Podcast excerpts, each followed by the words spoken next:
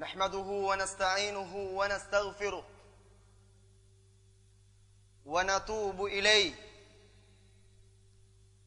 ونعوذ بالله من شرور أنفسنا وسيئات أعمالنا. من يهده الله فلا مضل له ومن يضلل فلا هادي له.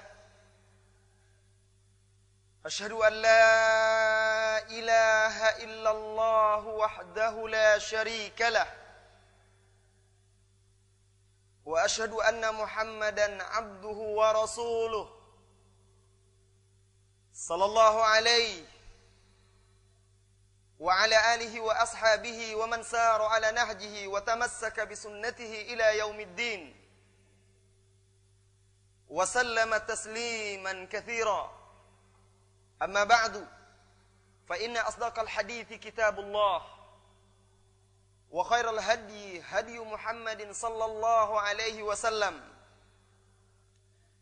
وشر الأمور محدثاتها وكل محدثة بدعة وكل بدعة ضلالة وكل ضلالة في النار. أيتها المسلمات wanita-wanita muslimat. Generasi-generasi Khadijah. Cucu-cucu Fatimah. Saudari-saudari Hafsah dan Aisyah. Wahai para wanita muslimat semoga Allah tabaraka wa taala merahmati kita semua yang hadir dan duduk di majelis ilmu ini duduk bersimpuh di taman sorga dunia. Untuk memahami kitabullah serta hadis-hadis Rasulullah sallallahu alaihi wasallam. Syekhul Islam Ibn Taimiyah rahimahullahu taala pernah mengatakan inna fil jannati inna fid dunyati la jannah man lam yadkhulha lam yadkhulil jannatal akhirah. Sesungguhnya di dunia ada sebuah taman sorga. Barang siapa yang tidak memasukinya Dia tidak akan memasuki taman surga Taman-taman sorga di akhirat. Majelis ilmu adalah taman-taman sorga di dunia. Ilmu adalah jalan yang memudahkan kita untuk ke sorga Bukankah Habibun al-Mustafa Rasulullah sallallahu alaihi wasallam menegaskan di dalam hadisnya yang sahih diriwayatkan oleh Imam Bukhari dan lain-lainnya man salaka tariqa yaltamisu fihi ilma sahhalallahu bihi tariqan ilal jannah. Barang siapa yang menempuh jalan untuk menuntut ilmu Allah mudahkan baginya jalan menuju surga. Ya Allah mudahkanlah jalan kami menuju surga. Ikhlaskan kami untuk menuntut ilmu karenamu semata ya Allah. Amin. Ibnu Qayyim Al-Jauziyah rahimahullah taala murid Ibnu Taimiyah Allahu yarhamhu menegaskan di dalam kitabnya Madarijus Salikin Inna salika ila Allah sesungguhnya seseorang yang sedang menempuh jalan menuju Allah saya dan saudari-saudari semuanya kita berada di atas jalan menuju Allah tabaraka wa taala. Kita berharap agar bisa bertemu dengan Allah di sorga. Menatap wajahnya yang merupakan kenikmatan yang paling indah dan paling nikmat bagi penghuni sorga. Nah kata Ibnu Qayyim al-Jauziyah. Seorang yang sedang menempuh jalan menuju sorga. Dia pasti akan mendapat tantangan. Akan ada aral yang merintangi jalannya. Fala yunjiha illal ilm maka tidak ada yang bisa menyelamatkannya, membentenginya, menjaganya, meluruskan langkahnya, meneguhkan kakinya di atas jalan menuju Allah tabaraka wa taala kecuali ilmu. Ilmu syar'i, ilmu syar'i yang insya Allah sedang kita pelajari hari ini. Untuk itu kita berkumpul. Semoga Allah tabaraka wa taala menjadikan pertemuan kita ini pertemuan yang dirahmati dan perpisahan kita setelahnya perpisahan yang dijauhkan dari perpecahan. Ayyatuhal muslimat yang semoga senantiasa dirahmati oleh Allah tabaraka wa taala. Wanita yang menggenggam bara api. Itu judul kajian kita pada kesempatan yang yang diberkati ini insyaallah taala. Mungkin ada tanda tanya. Apa sebenarnya yang dimaksud oleh Ustaz? Apakah maksudnya wanita itu akan maksudnya wanita-wanita yang di neraka? Kok wanita saja disebut menggenggam bara api? Ketahuilah wahai saudariku, wanita muslimat, para ummahat, para fatayat. Sesungguhnya kekasih kita Rasulullah sallallahu alaihi wasallam bersabda di dalam hadis yang sahih diriwayatkan oleh Abu Daud dan Syekh Al-Albani rahimahullahu taala di dalam silsilah sahihah mengatakan sahih bisyawahidihi. Hadis ini sahih dengan syawahid penguat-penguatnya yang banyak. Rasulullah sallallahu alaihi wasallam bersabda, "Ya'ti 'alan nasi zamanun" akan datang suatu masa akan datang suatu masa pada manusia yakunu fihi al-qabid ala dini ala dinihi di mana di masa tersebut orang yang menggenggam memegang teguh agamanya. Dalam riwayat lain as-sabir fihi orang yang bersabar di atas agamanya pada masa tersebut kal qabidi al jamal seperti seorang yang menggenggam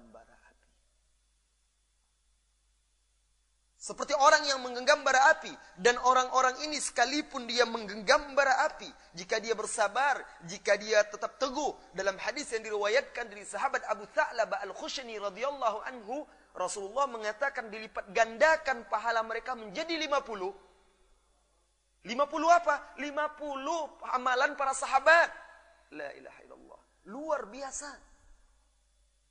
Ketika sahabat bertanya kepada Rasulullah, khamsina minhum 50, khamsina minna ya Rasulullah, 50 pahala dari kita ya Rasulullah, bal khamsina minkum, kata Rasulullah.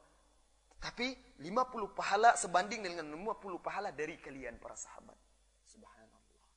Nah, hari ini kita akan bersama dengan wanita-wanita yang menggenggam bara apinya untuk mempertahankan agamanya, mempertahankan iffah kesuciannya, mempertahankan akidahnya agar bisa kita jadikan teladan di zaman di mana banyak wanita muslimah kehilangan teladan, di masa di mana banyak saudari-saudari kita menjadikan orang-orang fasik sebagai suri tauladannya, contoh, bahkan mereka namakan sebagai bintang, padahal tidak layak seperti artis, seniman, para penyanyi itu dianggap sebagai bintang karena Allah taala di dalam Al-Qur'an menjadikan bintang itu sebagai petunjuk wa nujuman tahtadu biha. Dan bintang-bintang yang jadi petunjuk bagi kalian di malam hari untuk menentukan arah. Nah, bintang bukan orang yang fasik. Bintang sesungguhnya adalah orang-orang yang saleh, salihat, para sahabat Nabi Shallallahu Alaihi Wasallam lah bintang kita sesungguhnya. Dengan siapa pun kita meneladani mereka, kita insya Allah tabaraka wa taala mendapat petunjuk. Ukhti, saudariku, wanita muslimat yang semoga senantiasa dirahmati oleh Allah tabaraka wa taala.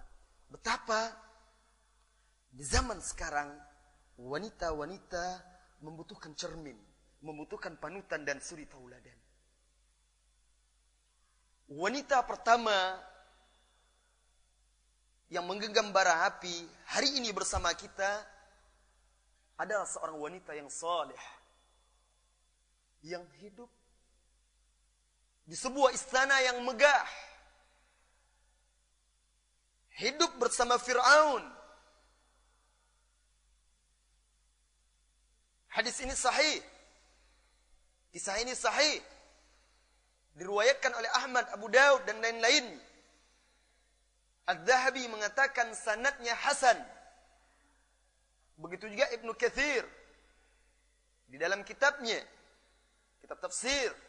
Dan juga di dalam kitabnya Al-Bidayah wa Nihayah. Tentang wanita yang bekerja, menyisir, mendidik, dan mengurus putri Fir'aun. Dan suaminya adalah seorang pria yang memiliki kedudukan pula di sisi Fir'aun. Fir'aun seorang sombong yang mengaku sebagai Tuhan. Yang memerintahkan manusia ketika itu untuk menyembahnya.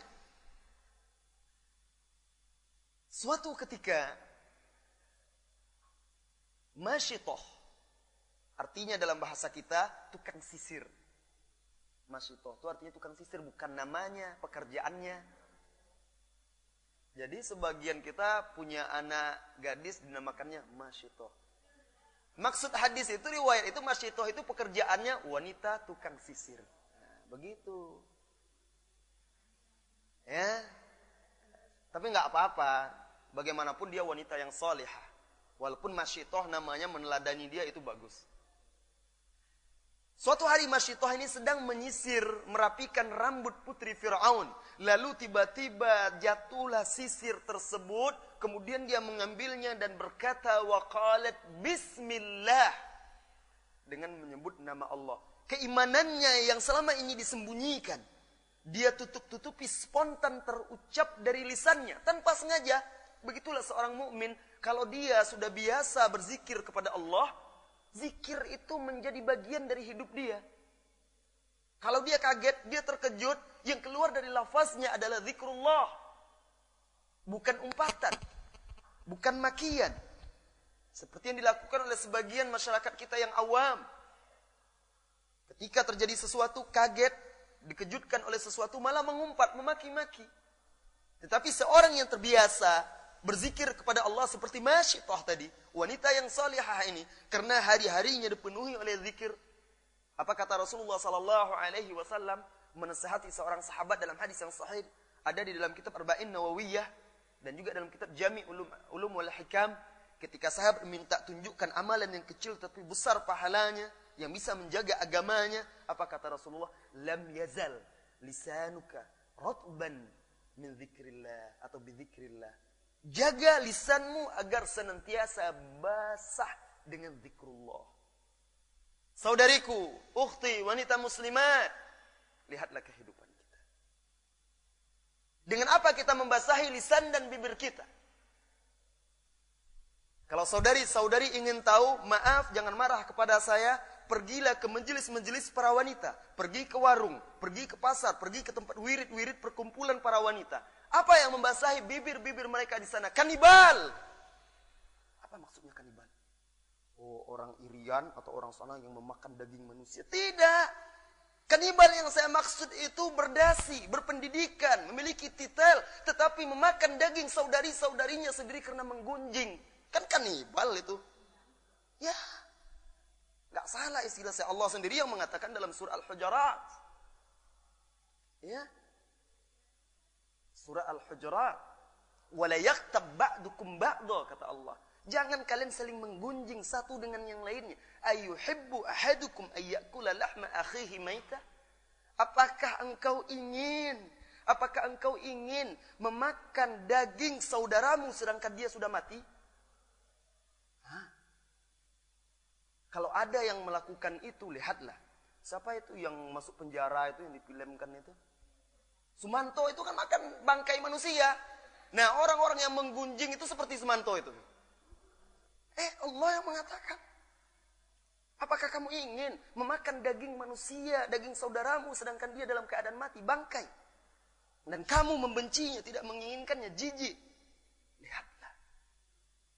Betapa ternyata kita membasahi lisan kita, bukan dengan zikrullah, tapi dengan kata-kata yang apabila diteteskan ke samudra akan menodainya. La ilaha illallah. Masyitah, tukang sisir putri Fir'aun ini. Wanita yang salihah, teladan para wanita muslimat. Wanita yang menggenggam bara api. Terbiasa berzi terbiasa dengan zikrullah. Bukan dengan zikru syaitan. Bukan dengan zikru nyanyian Orang yang terbiasa dengan zikrullah, orang yang terbiasa dengan zikru nyanyian, maka dia akan terhalangi dari zikru syaitan. Sebagian orang terbiasa dia, ibu-ibu maaf, nyanyian itu kan enak, indah, nikmat, sehingga hari-harinya disibukkan dengan bersenandung. Ya, bersenandung. Subhanallah. Musibah. Kemungkaran, kemungkaran yang mengepung kita dari segala arah. Kalau ibu-ibu pergi ke pantai bersama keluarga, hati-hati ibu dilukai dengan racun-racun nyanyian. Kalau ibu-ibu pergi ke tempat-tempat taman, ke taman-taman, saat kita berhenti di lampu merah, lihatlah. Depan, belakang kita, telinga kita diracuni, hati kita dilukai, jiwa kita dinodai dengan nyanyian yang tidak benar. La ilaha illallah. Ini zikru, zikru syaitan, zikru nyanyian. Barang siapa yang cinta gandung dengan nyanyian, otomatis dia akan jauh dari zikrullah, zikru Al-Quran. Kenapa? Karena Allah tabaraka wa ta'ala berfirman. A'udhu billahi minasyaitanir rajim. Bismillahirrahmanirrahim. Wa minan nas di surat Luqman. Wa minan nasi man yashtari lahwal hadith liyudilla an sabi. Di antara manusia ada yang memperjualbelikan, yang menukar, yang menyebarluaskan lahwal hadis. Lahwal hadis kalau bahasa kitanya, kalau letter leknya itu kata yang sia-sia. Tetapi sahabat Abdullah bin Mas'ud bersumpah sampai tiga kali, "Walladzi nafsi biyadi, walladzi nafsi biyadi, walladzi nafsi biyadi, lahwal ghina." Yang dimaksud itu adalah nyanyian. Ya Allah, apa yang membuat Abdullah bin Mas'ud sampai bersumpah tiga kali? Kalau bukan karena keyakinannya bahwa Rasulullah menjelaskan itu adalah nyanyian. Apakah sahabat Abdullah bin Mas'ud berdusta? Kalla, tidak. Tidak mungkin seorang sahabat berdus, berdusta. Liyudillah an sabilillah. Apa artinya liyudillah an sabilillah? Yang apa? Jangan, bukan agar menyesatkan. Nah, ini subhat. Sebagian orang mengatakan Ustadz, ayat itu bunyinya begini Ustadz. Di antara manusia ada yang memperjualbelikan lahwal hadis, nyanyian, agar menyesatkan atau untuk menyesatkan manusia dari jalan Allah. Yang tidak boleh itu Ustadz, kalau nyanyian itu menyesatkan dari jalan Allah. Kalau tidak menyesatkan, tidak boleh. Karena ayat itu bunyinya agar atau untuk menyesatkan. Ah, tidak. La di situ, lam di situ dalam kaidah bahasa Arab dijelaskan oleh ulama-ulama ahli tafsir maksudnya lis sababiyah, lit ta'lil atau sebab maksudnya di antara manusia ada yang memperjualbelikan, menyebarluaskan menggunakan nyanyian yang mana nyanyian tersebut menjadi penyebab mereka jauh dari jalan Allah. Atau menjadi penyebab yang menghalangi mereka dari jalan Allah. Itu makna yang sesungguhnya. Dari sinilah inti kesimpulan yang saya jelaskan tadi. Barang siapa yang gandrung dengan nyanyian, maka otomatis akan menghalanginya dari Al-Quran, dari jalan Allah Tabaraka wa Ta'ala. Kembali kepada suri tauladan kita, Masyitoh, yang menggenggam bara api. Tatkala Masyitoh mengucapkan Bismillah terkejut putri Fir'aun. Lalu putri Fir'aun tersebut menyela. Allah, Abi. Allah, engkau maksud Allah itu ayahku. Dia hanya tahu Tuhan itu adalah ayahnya Fir'aun yang mengaku sebagai Tuhan.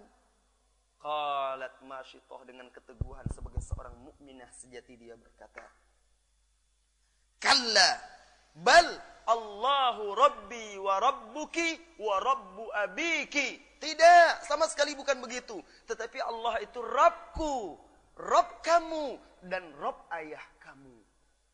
Lebih terkejut lagi. Putri Fir'aun, ada orang, ada Tuhan selain ayahnya. Aneh. Lalu dia mengancam, saya akan sampaikan ini kepada ayah saya. Silahkan.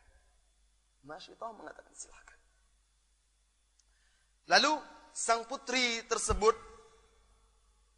datang kepada ayahnya dan bercerita menyampaikan bahwasanya ternyata Masyito menyembah Tuhan selain daripada dia. Marah dipanggil Masyito. Lalu ditanya, "Siapa Rabbmu?" "Marabbuk?" Qalat Rabbi Allah, Rabbi wa Rabbuk Allah. Rabbku dan juga Rabbmu, Tuhanku yang telah menciptakanku dan juga menciptakanmu adalah Allah. Kaget Firaun. Di dalam istananya ada orang yang menyembah Allah, tidak menyembahnya. Ini sangat aneh. Karena itu dia sangat murka. Lalu dipaksanya masyitah untuk kafir, kufur terhadap Allah taala dan beriman kepada tagut Firaun. Tetapi masyitah tetap teguh memegang akidahnya, bahkan diancam jika engkau tidak mau beriman, saya akan menyiksamu. Tetapi begitulah keimanan Apabila cahayanya setelah memasuki relung-relung jiwa, lalu mencekram dan menghujam di dalam hati, dan pohonnya berdiri dengan kokoh, menjulang tinggi, rindang menaungi, maka pemiliknya akan tetap teguh, tidak akan tergoyahkan, sekalipun harus mengorbankan darah dan nyawanya. Sekalipun harus mengorbankan darah dan nyawanya. Saya teringat ketika peristiwa perang Tatar antara Sultan Muzaffar Kutuz ketika dia hendak berperang melawan pasukan Tatar yang sudah sampai ke negeri Syam. Hari itu hari Jumat. Muzaffar Kutuz berkata kepada pasukan kaum muslimin yang hendak berjihad, "Intaziru hatta yas'udan hatta yas'ud al-khatib al-mimbar." Tunggu sampai khatib naik ke mimbar. Hari ini hari Jumat dan manusia mengaminkan doanya. Dia berharap, dia berharap khatib yang di seluruh negeri-negeri kaum muslimin mendoakan mereka agar diberikan kemenangan dan diaminkan oleh manusia. Lalu terjadilah peperangan yang sangat dahsyat. Ketika peperangan terjadi, kemenangan-kemenangan dicapai oleh kaum muslimin di antara pasukan yang tergeletak ada seorang pahlawan, pasukan bersimbah darah, tetapi dia memakai topeng. Tatkala disingkapkan ternyata istri dari Musaf, Muzaffar Kutus tersebut. La ilaha illallah. Sehingga Muzaffar Kutus berkata, Wa zaujah, aduhai istriku, aduhai istriku, alangkah kasihannya engkau tergeletak dengan bersimbah darah. Apa jawab sang istri yang memiliki keimanan yang kokoh? Apa kata dia? Jangan katakan wa zaujah, jangan katakan aduhai istriku, walakin kul wa islamah. Tetapi katakan aduh Islamku, wahai Islamku, jangan katakan wahai istriku. Ketika di detik-detik dia terakhir, tetap Islam yang ada di dalam jiwa. Ini wanita-wanita yang menggenggam bara api. Wanita yang menggenggam bara api, la ilaha illallah. Di mana wanita-wanita zaman sekarang keteguhannya yang bisa menandingi mereka? Tidak usahlah menumpahkan darah, cukup untuk membenahi dirinya. Teguh dia di tengah keluarganya, di tengah masyarakatnya, mempertahankan akidah dan ajaran agamanya. Masyitoh, masyitoh, dipanggil, lalu akhirnya diseret anak-anaknya oleh Fir'aun. Diseret, dihadapkan, lalu diperintahkan oleh Fir'aun untuk dinyalakan uh, tungku Lalu diambil periuk yang besar. Lalu dipanaskan, dididihkan minyak, menggelegak. Nampak asapnya di hadapannya, didekatkan dia dengan anak-anaknya, lalu diancam, engkau beriman, engkau beriman kepadaku atau tidak? Jika engkau tidak beriman, aku campakkan anakmu satu persatu ke dalam minyak yang mendidih tersebut. Tetapi dia tetap teguh. Dia yakin itu hanyalah sakit yang sedikit. Saat kemudian setelahnya kenikmatan yang sangat luar biasa. Lalu diseretlah putranya yang pertama yang paling besar. Sang putra anaknya tersebut berteriak-teriak memanggil ibunya. Meminta belas kasih kepada prajurit-prajurit yang menyeretnya. Memukul-mukul mereka dengan tangannya yang masih kecil. Memanggil saudara-saudaranya yang lain yang menangis melihat abangnya, kakaknya diseret lalu dicampakkan ke dalam minyak yang mendidih tersebut. Hanya sebentar timbul tenggelam jasadnya lalu tinggal tulang belulang dan daging yang mengapung. Di atas minyak-minyak yang mendidih tersebut. Masyitah masih tetap. Mempertahankan akidah agamanya. Dia melihat sendiri. Anaknya yang dulu dia susui, anaknya yang dulu yang dia belai, anaknya yang dulu dia ajak bermain, anaknya yang dulu dia beri pakaian, sekarang di depan matanya mati, mati, mati untuk apa? Untuk Allah tabaraka wa taala. Wahai saudariku, agama Islam menuntut kita untuk berkorban. Agama Islam menuntut kita berkorban. Bahkan suatu saat, suatu masa akan datang masanya, akan datang masanya kita akan mengorbankan darah kita. Lihatlah kita baru saja melewati Idul Adha. Apa pelajaran paling berharga yang oh, muslimat timba dan ambil dari situ? Lihatlah pengorbanan Bagaimana Ibrahim memberikan contoh pengorbanan karena kepatuhan dan ketaatan kepada Allah Taala. Ketika Allah perintahkan menyembelih anaknya, karena itu perintah Allah di atas mata dan kepala, harus didahulukan dari kasih sayang dan hawa nafsu kita kepada dunia dan anak istri kita suami kita, dijalankannya juga perintah tersebut, akhirnya mereka berhasil melewati ujian tersebut dan Allah gantikan tidak jadi dia menyembelih anaknya. Karena mereka lolos. Lulus uji, lulus ujian. Dan dahulu wanita-wanita muslimat dari masa ke masa mereka telah berkorban untuk agama ini. Ada yang berkorban dengan hartanya, ada yang berkorban dengan waktunya, ada yang berkorban dengan keluarganya, ada yang bahkan ada yang berkorban dengan nyawanya. Masyitoh. Lalu diseret lagi anaknya yang berikutnya. Dipaksa lagi di hadapan matanya agar surut agar surut keimanannya diseret, dibuang, dicampakkan lagi dalam kuali tersebut. Sang anak menjerit-jerit, merintih-rintih, timbul tenggelam dalam minyak yang menggelegak tersebut. Tinggallah kulit daging-daging yang memutih, matang dan tulang belulang. Bersatu dengan tulang-tulang saudara-saudaranya yang lain.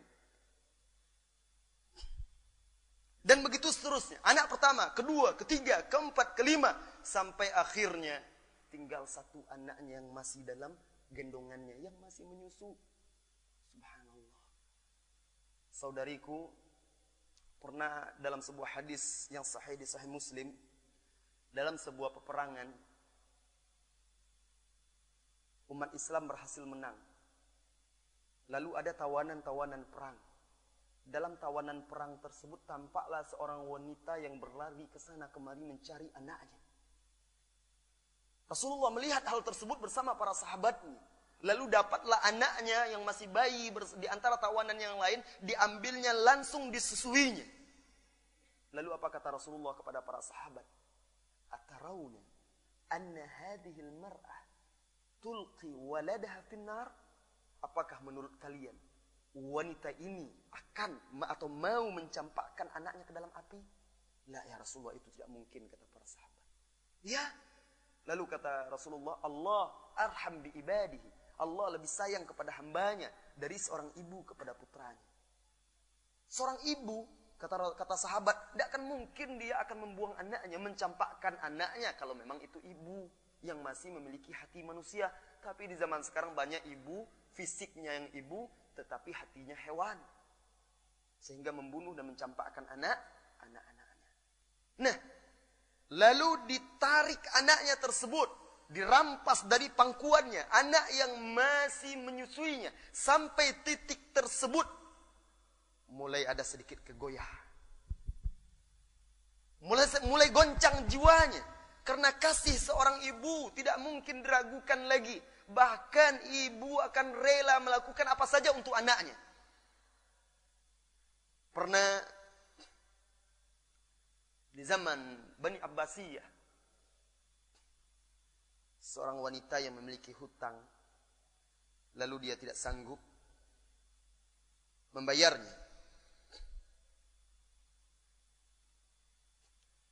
Lalu datanglah orang yang menghutanginya tersebut ke rumahnya menagih dari hari ke hari dia tidak juga sanggup satu ketika memuncak kekesalan dan kemarahan orang yang menghutanginya datang dia ke rumah wanita ini juga meminta maaf karena dia tidak sanggup membayar dipukul ditempelengnya wanita tersebut diam saja wanita itu lalu pergi orang itu besok datang lagi dia diketuknya pintu keluar anaknya anak ibu tersebut laki-laki Lalu ditanya, Aina ummak? Mana ibumu? Ibu saya ke pasar. Orang itu mengira anak tadi berbohong untuk melindungi, menyembunyikan ibunya. Dipukulnya. Pas ketika dia memukul anak tersebut, ada ibunya. Pulang, sang ibu langsung menjerit dan menangis. Heran orang ini berkata, Hei, bu, kemarin saya memukulmu. Engkau diam saja, sekarang aku memukul anakmu dan itu pun tidak keras. Engkau malah menjerit dan menangis. Apa kata ibu tersebut? Kemarin engkau memukul tubuhku, tetapi hari ini engkau memukul hatiku. Kemarin engkau memukul aku, memukul tubuhku, tetapi hari ini engkau memukul hatiku. Melihat itu terenyuh perasaan orang tersebut, lalu dia meridhoi merelakan hutang tersebut. Karena dia kasihan melihat kasih sayang seorang ibu. Nah begitulah ketika putra anak dari Masyitoh, anak dari tukang sisir ini, diambil dari pangkuannya, mulai sedikit goyah. Ketika itulah Allah kuatkan dia. Yusabbitullahu yusabbitullahu alladhina amanu bil qawli. Allah Ta'ala berfirman, Allah akan memberikan perkataan yang teguh kepada orang-orang yang beriman. Allah teguhkan mereka dengan perkataan yang teguh. Lalu Allah jadikan dengan kuasa Allah bayi yang masih dalam gendongan yang masih menyusui tersebut berbicara. Ketika terlihat sang ibu, sang ibu mulai goyah, berkatalah sang anak tersebut, "Ya ummah, wahai ibunda, isbiri fa innaka 'alal haqq." Wahai ibunda, bersabarlah engkau berada di atas kebenaran. Sesungguhnya itu hanyalah sakit yang sedikit dan sebentar. Sesungguhnya azab dunia, sesungguhnya azab di akhirat lebih keras dan lebih dahsyat daripada azab di dunia. Ketika itu menjadi teguh dia, lalu dicampakkan anaknya, kemudian dicampakkan pula masyitoh dengan keteguhannya, tetap mempertahankan agamanya. Berbaur dia dengan anak-anaknya, tulang belulangnya, dagingnya dalam satu kuali untuk mempertahankan agamanya, tidak tergoyahkan dan tidak bergeming sedikit pun. Oleh karena itu, karena keteguhan imannya, oleh karena itu, karena kekuatan imannya, dia benar beriman kepada Allah tabaraka wa taala. Rasulullah sallallahu alaihi wasallam bersabda, "Lamma usriya bi Lamma usriya bi marrat bi raihatun tayyibah. Tatkala saya diangkat naik ke langit Lalu saya melewati lalu saya melewati bau wangi yang semerbak. Tercium wangi yang semerbak. Masyitoh. Wangi semerbak dan namanya tetap harum sepanjang masa menjadi suri tauladan bagi wanita. Namanya harum dan dia juga harum. Wangi sehingga Rasulullah sallallahu alaihi wasallam bertanya, "Ma raihah?" Ada tisu. Bau apa ini yang wangi, yang semerbak? Oh ini tidak nampak, maaf. Bau apa ini yang semerbak? Maka Jibril. Maka Jibril menjawab. Hadhi masyitah binti Fir'aun wa auladuha. Ini adalah tukang sisir, wanita tukang sisir yang menyisir putri Fir'aun berserta anak-anaknya. Ya Allah. Dia memang mati. Dia memang telah gugur dia memang telah meninggal tetapi sesungguhnya dia tidak mati. Wala tahsabanna alladziina qutilu fi sabilillahi amwata. Jangan kalian kira orang yang terbunuh di jalan Allah itu mati. Bal ahya inda rabbihim yurzakun. Tetapi sesungguhnya mereka hidup di sisi Rabbnya, diberi rezeki. Farihina bima atahumullahu min fadli. Mereka gembira, bangga dengan anugerah yang Allah berikan kepada mereka di sisinya. Ya Allah, jadikanlah wanita-wanita muslimah kami Jadikanlah putri-putri kami, jadikanlah anak-anak gadis kami, generasi-generasi yang mengikuti masyitoh, mempertahankan agamanya. La ilaha illallah. Di mana kita akan mendapatkan generasi-generasi masyitoh? Generasi-generasi masyitoh tidak lahir di jalanan. Generasi-generasi masyitoh tidak terbentuk di pentas-pentas seni Generasi-generasi masyitah tidak lahir dan terbentuk tumbuh di gelanggang-gelanggang olahraga. Di tepi-tepi pantai, di tengah-tengah malam yang gelap gulita. Tidak. Generasi-generasi masyitah lahir dari majlis-majlis ilmu. Yang di situ dibacakan kitabullah. Di situ dibacakan hadis-hadis Rasulullah Sallallahu Alaihi Wasallam yang sahih. Yang di situ dibacakan sirah sahabiat. Wanita-wanita yang salihah. Generasi-generasi masyitah lahir dari puasa, dari salat malam, dari mendekatkan diri kepada Allah tabaraka wa taala. Jika kita ingin menjadi generasi masyitah, jika kita ingin anak-anak kita tumbuh sebagai generasi masyitah yang mempertahankan agamanya, bukan menjual agamanya untuk dunianya. La ilaha illallah. Di zaman sekarang berapa banyak yang wanita mengorbankan agamanya untuk dunianya, bukan mengorbankan dunianya untuk untuk agamanya. Saudariku wanita-wanita muslimat, wahai para ibu. Engkau mendidik anak-anak engkau di atas akidah yang benar, di atas Islam yang benar, di atas akhlak yang benar. Itu adalah pengorbanan terhadap agama kita. Wahai para gadis-gadis muslimat, engkau duduk di majelis ilmu, meluangkan waktumu. Engkau menghafal kitabullah, menghafal hadis-hadis Rasulullah, mempertahankan hijabmu, menjadi seorang yang memiliki sifat malu. Itu adalah pengorbanan terhadap agama. Itu adalah pengorbanan terhadap terhadap agama. Dan itulah yang saat ini bisa kita lakukan. Sebelum kita mengorbankan nyawa kita seperti masyitah, harus kita korbankan yang kecil-kecil dahulu waktu kita korbankan untuk ilmu Allah, untuk ilmu agama ini. Harta kita korbankan untuk berjuang di jalan Allah. Anak kita bahkan wahai para ibu, wahai para orang tua, berjanji kepada Allah tabaraka wa taala berjanji ya Allah ini anakku aku wakafkan aku nazarkan untukmu agar dia membaca kitabullah agar dia menghafal kitabullah agar dia menghafal hadis Rasulullah agar dia memahami agama Allah agar dia berjuang menegakkan agamamu ya Allah terimalah dia ya Allah sebagai seorang dai niatkan itu didik bina agar terbentuk generasi-generasi nasyithah yang tetap teguh komitmen di atas agamanya saudariku wanita-wanita muslimat yang dirahmati oleh Allah tabaraka wa taala. Wanita yang menggenggam bara api kedua.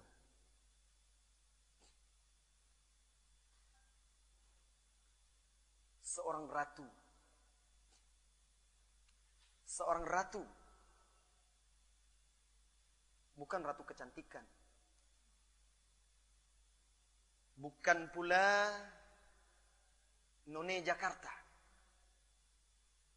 Bukan pula Ratu Peragaan Busana. Ratu ini adalah ratu yang hidup gemerlap dan mewah. Di istana Fir'aun. Tetapi dia korbankan dunia dan kemewahan tersebut. Dia tinggalkan untuk mengharapkan rumah di sisi Allah Tabaraka wa Ta'ala. Dialah Asia Dialah Asia, istri Fir'aun yang disebutkan oleh Allah Tabaraka wa Ta'ala di dalam Al-Quran. Dialah Asia. Tatkala Fir'aun membunuh uh, Masyitoh dan anak-anaknya. Fir'aun masuk menemui istrinya Asia dengan sombong dan angkuh. Ingin bercerita tentang perbuatannya membunuh uh, Masyitoh. Ketika dia bercerita, Asia berteriak, Asia berteriak lalu berkata kepadanya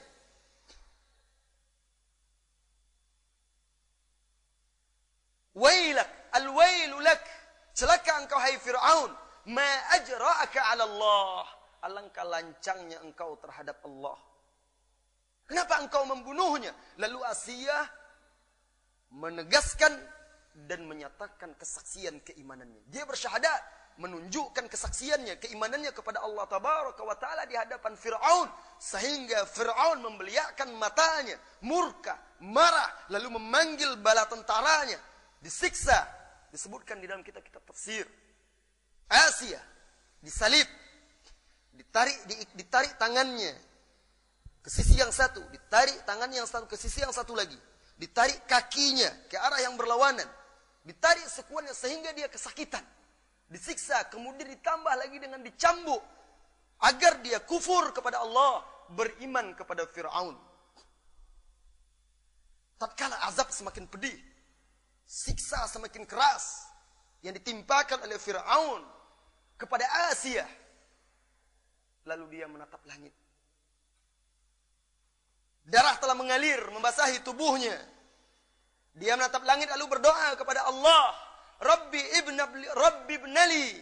Indaka baitan fil jannah ya Allah. Wahai Tuhanku bangun dirikan bangunkan untukku sebuah rumah di sisimu di surga ya Allah. Wa najjini min fir'aun. Selamatkan aku dari Fir'aun wa amalihi dan perbuatannya. Wa najjini minal qaumidz zalimin. Dan selamatkan aku dari orang-orang yang zalim maka naiklah doanya membubung tinggi. Membubung tinggi dan menembus pintu-pintu langit. Didengar oleh Allah tabaraka wa taala. Ibnu Katsir berkata di dalam kitab tafsirnya fakashafallahu laha an baitiha fil jannah. Lalu ketika itu Allah singkapkan langit Allah perlihatkan rumahnya di sorga. Ketika siksa semakin keras ketika azab semakin pedih darah mengucur dan mengalir urat-uratnya sudah mulai putus Asia malah tersenyum sehingga Firaun semakin marah kenapa tersenyum karena dia melihat rumahnya di sorga dia tersenyum sehingga akhirnya dia menembus menghembuskan nafasnya yang terakhir dan jadilah dia menjadi ratu yang kekal di dalam surga. La ilaha illallah. Wahai Asia di akhir zaman. Wahai Asia, Asia di akhir zaman. Lihatlah mana keteguhan kita ketika mempertahankan agama. Hanya karena cemoohan olok-olokan sebagian dari tetangga-tetangga, teman-teman, kerabat kita sesama bekerja, lalu kita luntur sehingga kita enggan dan malu untuk mengamalkan Islam. Lalu kita mengharapkan pula sebuah rumah di sorga. La. Rasulullah sallallahu alaihi wasallam sebagaimana dalam hadis Bukhari dan Muslim menegaskan huffatil jannati bil makari wa huffatin nar bis syahawat. Sorga itu dikelilingi oleh makari, perkara-perkara yang tidak disukai. Jalan menuju sorga itu penuh onak dan duri. Sementara jalan ke neraka itu penuh dengan syahwat. Kenikmatan-kenikmatan dunia. Pilih jalan. Jalan mana yang akan kita tempuh? Dunia ini hanya sebentar. Harta kita akan punah. Kedudukan kita akan lenyap. Anak, istri, suami akan kita tinggalkan. Wa yabqa wajhu rabbika dzul jalali wal ikram. Yang akan kekal itu adalah Allah. Wajah Allah yang akan tetap kekal yang memiliki keagungan dan kemuliaan sementara kita akan fana. Apa yang kita harapkan dari kedudukan kita? Apa yang kita harapkan dari jabatan kita? Apa yang kita harapkan dari harta benda kita? Apa yang kita harapkan? Hari yang lalu saudara kita meninggal. Beberapa waktu yang lalu sahabat kita meninggal. Beberapa waktu yang sebelumnya ustadz kita wafat. Dan kapan kita? Suatu saat, malam ini, besok pagi, akan datang menjemput kita. Apa yang kita persiapkan? Masyitoh, Asia, dia telah wafat. Dan dia telah mendapatkan hasil perjuangan. Rumah di sorga. Kedudukan yang tinggi di sisi Allah Tabaraka wa Ta'ala. Sementara kita, apa yang kita kedepankan, kita korbankan untuk agama kita. Itulah yang akan kita dapat nanti di akhirat di yaumil kiamah. Wanita muslimat yang dirahmati oleh Allah tabaraka wa taala. Jadi jelaslah bagi kita, wanita-wanita yang menggenggam bara api adalah wanita-wanita yang mengedepankan amrullah wa amru rasulihi yang mengedepankan mendahulukan perintah Allah dan Rasulnya daripada hawa nafsunya, syahwatnya, keinginannya, bahkan dari suami, dari anak-anak, dari keluarganya. Dia dahulukan Allah dan Rasulnya. Apabila Allah dan Rasulnya sudah mengatakan, sudah memerintahkan, sudah melarang, tidak ada lagi. Semuanya adalah Allah dan Rasulnya. Itu yang dikedepankan. Saya yakin, saya tahu, ibu-ibu semuanya mencintai Allah dan Rasulnya. Saya yakin kita semua mencintai Allah dan Rasulnya. Tetapi bukti nyata, implementasi dari kecintaan kita kepada Allah dan Rasul adalah ketundukan kita. Lihatlah seorang wanita muslimat. Lihatlah Aisyah radhiyallahu anha. Sebagaimana disebutkan uh, di dalam hadis yang diriwayatkan oleh Abu Dawud. Aisyah radhiyallahu anha memuji wanita-wanita Ansar. Beliau mengatakan alangkah baiknya dan utamanya wanita-wanita Ansar tatkala turun perintah Allah tabaraka wa taala wal wala yubdina zinatahunna wal yadribna bi khumurihinna ala juyubihin lihat ini sebuah contoh ketaatan kepatuhan seorang mukminah sejati tatkala turun perintah Allah tabaraka wa taala hendaklah para wanita itu menutup menutup kepalanya dan mengulurkan jilbab penutup kepalanya itu ke dada-dadanya lalu para suami mereka bapak-bapak mereka, pria-pria Ansor pulang ke rumah mereka. Mereka sampaikan ayat-ayat ini kepada anak istri mereka. Lalu mereka memotong pakaian dan kain-kain mereka, mereka jadikan jilbab menutup kepala mereka. Langsung mereka amalkan karena ilmu untuk diamalkan, bukan hanya sekedar untuk didengar. Zakatnya ilmu itu kita amalkan. Amalkan ilmu. Jika tidak akan menjadi hujah, laknat dan azab bagi bagi kita. Ah kalau gitu saya nggak usah belajar aja lah Ustadz. Nanti belajar saya nggak sanggup. Ya, kalau saya belajar saya tidak mengamalkan. Intabihi, hati-hati. Ingat dalam hadis yang panjang disahihkan oleh Syekh Al-Albani dalam kitab Ahkamul Janais tentang perjalanan ruh ketika dia mati, ketika ruh yang fasik, ruh yang pendosa, ruh yang kafir, ruh yang tidak beramal saleh di alam kubur ditanya, "Marabbuk?" Siapa Rabbmu? Ah, ah, la adri sami'tu nas yaquluna kadza wa kadza fa aqulu kama qalu. Saya tidak tahu, saya dengar manusia berkata begini dan begitu saya pun ikut mengatakannya. Ditanya lagi, "Madinuk, apa agamamu?" Dia jawab juga begitu. Saya ikut-ikut saja apa yang dikatakan oleh manusia.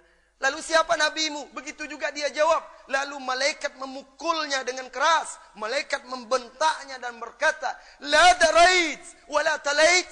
Engkau tidak tahu dan tidak mau membaca tidak mau belajar, lalu diazab, disiksa sehingga dia menjerit, yang terdengar jeritannya itu kata Nabi Shallallahu Alaihi Wasallam oleh seluruh makhluk illa thaqalain kecuali jin dan manusia. Itu kenapa? Karena tidak mau tahu. Jadi jangan oh daripada nanti belajar tidak teramalkan, ha, azabnya lebih pedih lagi. Lebih baik kita belajar, kita bisa tahu. Soal kita belum mengamalkan kalau memang bukan kita sengaja. Yang penting kalau memang kita memang belum mampu, bukan kita sengaja, insya Allah Allah maha pengam, maha pengampun. Yang jelas kita berusaha dulu untuk mengamal, mengamalkannya. Nah ini. Wanita-wanita yang menggenggam bara api. Mereka adalah wanita-wanita yang memiliki akhlak yang mulia. Yang cita-cita, himmah, tekadnya adalah untuk agama Allah tabaraka wa taala. Bukan hanya sekedar dunia, bukan hanya sekedar pakaian, bukan mode, bukan make up, bukan ini itu, bagaimana sepatu Anda, bagaimana tas Anda, bagaimana ini itu dan segala macam. Pembicaraan dia, tekad dia, cita-cita dia. Saya apa yang saya bisa perbuat untuk agama Allah tabaraka wa taala. Dia juga ingin meninggalkan dunia ini semerbak seperti masyitah. Karena dia adalah cucu-cucu masyitah generasi-generasi penerus masyid. Tatkala dari Anas bin Malik ada seorang pemuda yang bernama Julaibib. Pemuda ini buruk rupa. Pemuda ini buruk rupa. Miskin. Tetapi dia adalah seorang mujahid. Pejuang yang menegakkan agama Allah. Lantas Rasulullah Sallallahu Alaihi Wasallam pernah, pernah bertanya kepada dia, Julaibib, kapan menikah? Julaibib menyadari kondisi diri dia, miskin, buruk pula, sehingga dia tidak menjawab. Sementara Rasulullah berusaha mencari kesempatan untuk menikahkan dia. Sampai akhirnya datang seseorang. Datang seseorang bapak yang menawarkan anaknya yang ketika itu janda kepada Rasulullah SAW untuk menjadi istri Rasulullah SAW. Lalu apa kata Rasulullah? Ya, saya akan menikahi, menikahkannya, bukan menikahinya, menikahkannya. Senang sang bapak itu. Ya Rasulullah, kami menerimanya ya Rasulullah. Maksud saya, saya akan menikahkannya dengan Julaibib. Julaibib, Kaget ayahnya. Julaibib, saya akan bicara dulu dengan ibunya. Hatta astamira ummahu, ummaha. Tunggu-tunggu ya Rasulullah, sampai saya berbicara dengan ibunya. Kaget dia, masa putri saya dijodohkan dengan Julaibib. Miskin buruk lagi. Pulang dia, dia cerita kepada istrinya. Putrinya, anak gadisnya, mendengar dari balik tirai di kamarnya. Lalu dia berkata kepada istrinya, ya istriku, Rasulullah Sallallahu Alaihi Wasallam meminang putri kita senang istrinya. Bagus, bagus kalau begitu kita terima saja pinangannya. Bukan, Rasulullah meminangkannya untuk Julaibib. Terkejut ibunya. Julaibib, Julaibib. Kita sudah menolak pemuda-pemuda lain yang lebih daripada Julaibib. Kenapa Rasulullah menikahkannya dengan Julaibib? Sehingga suaminya bingung. Akhirnya suaminya berniat untuk menemui Rasulullah menolak pinangan Rasulullah Sallallahu Alaihi Wasallam untuk Julaibib. Tatkala sang ayah hendak berangkat menemui Rasulullah, keluar putrinya. Ya abata, wahai ayah, wahai ibunda, siapa yang akan meminangkan meminang saya itu? Rasulullah meminangkan engkau untuk Julaibib. Lalu apa kata putrinya? Jika memang Rasulullah Sallallahu Alaihi Wasallam yang meminangkannya, serahkan saya kepada Rasulullah Sallallahu Alaihi Wasallam.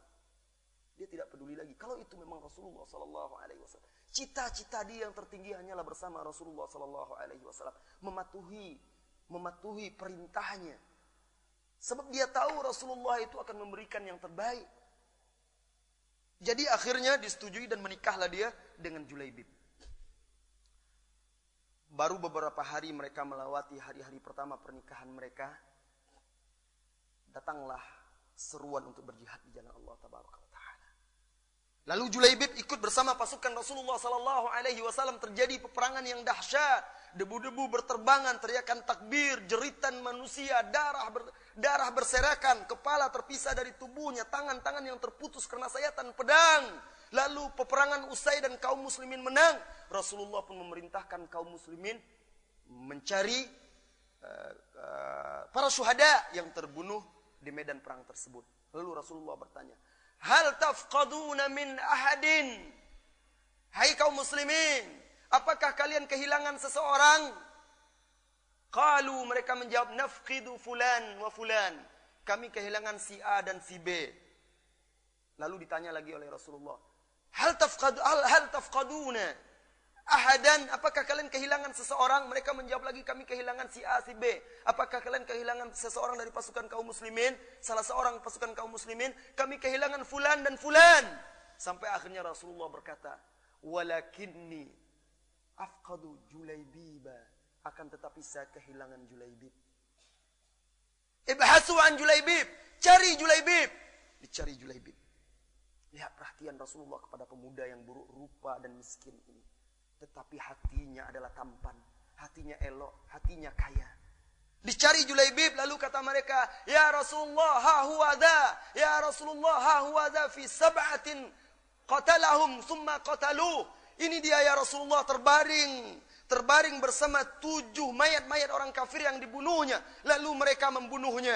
Lalu Rasulullah datang dan berdiri di sisi jasad Julaibib. Lalu Rasulullah sallallahu alaihi wasallam bersabda berkata kepada para sahabat, "Qatala sab'atan minhum thumma qataluh." Dia Julaibib membunuh tujuh orang musyrikin, lalu mereka mengeroyok dan membunuhnya. "Hadza minni wa ana min, hadza minni wa ana min."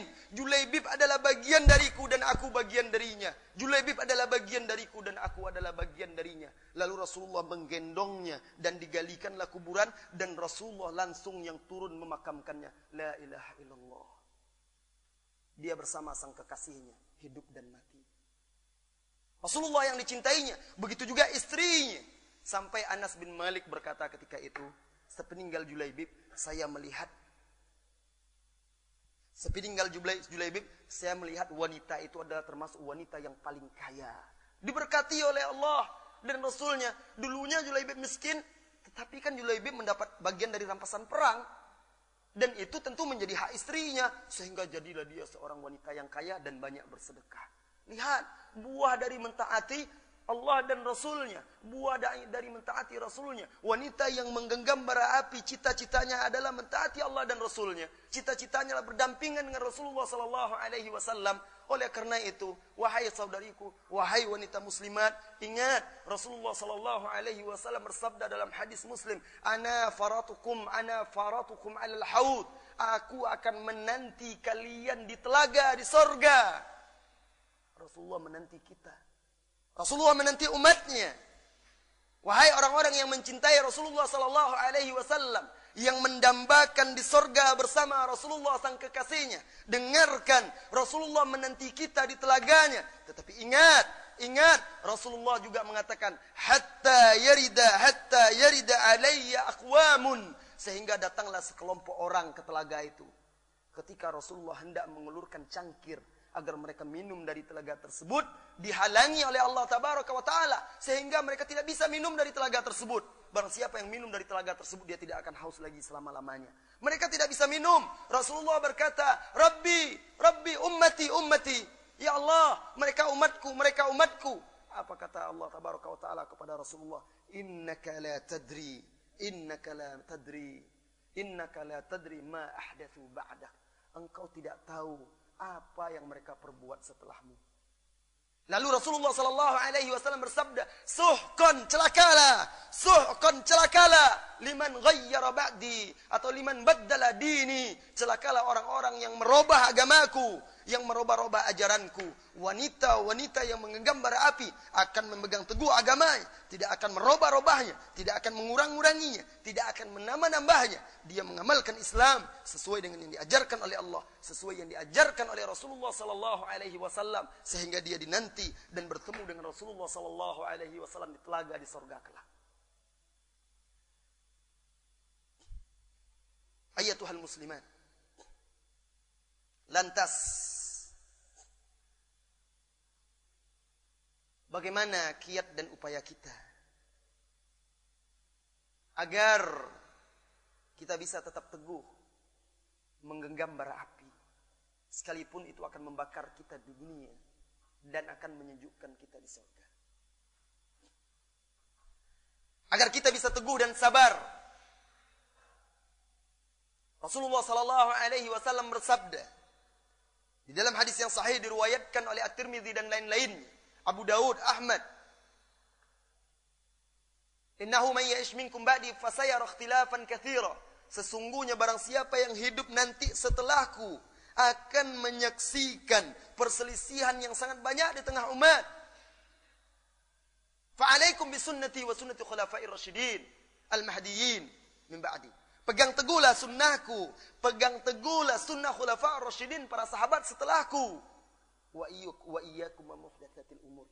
Jauhilah perkara-perkara yang baru dalam agama. Fa inna kulla muhdatsatin bid'ah.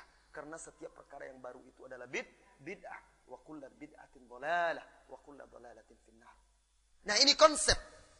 Konsep kita di akhir zaman dalam beragama agar kita tetap teguh di masa di mana kaum muslimin terpecah belah, tercerai-berai, lemah dan hina, yaitu memegang teguh ajaran Rasulullah sallallahu alaihi wasallam, memahaminya sebagaimana para sahabat Rasulullah sallallahu alaihi wasallam, sebagaimana khulafa rasyidin Abu Bakar, Umar, Uthman dan Ali radhiyallahu anhum ajma'in memegang teguh sunnah Rasulullah Sallallahu Alaihi Wasallam. Itu pertama. Kemudian menjauhi bid'ah, segala perkara-perkara yang tidak ada contohnya. Kemudian juga salah satu kiat kita untuk tetap teguh ilmu, ilmu, pahami agama ini khususnya masalah akidah, wahai ukhti, wahai saudariku. Lihatlah 25 Desember 1 Januari siapa yang banyak merayakannya di negeri kita? Umat Islam. Kenapa? Karena tidak ada keteguhan. Kenapa? Karena tidak ada ilmu syar'i. Bahkan lihatlah wahai saudari-saudariku, wahai para ibu, wahai para ummahat, lihatlah malam tahun baru. Kaum muslimin ikut merayakan lebih meriah pula lagi daripada Idul Fitri dan Idul Adha. Iya. Lebih meriah. Sore-sore itu udah mereka bawa anak istri memberi trompet. Ta ta ta ta ta ta.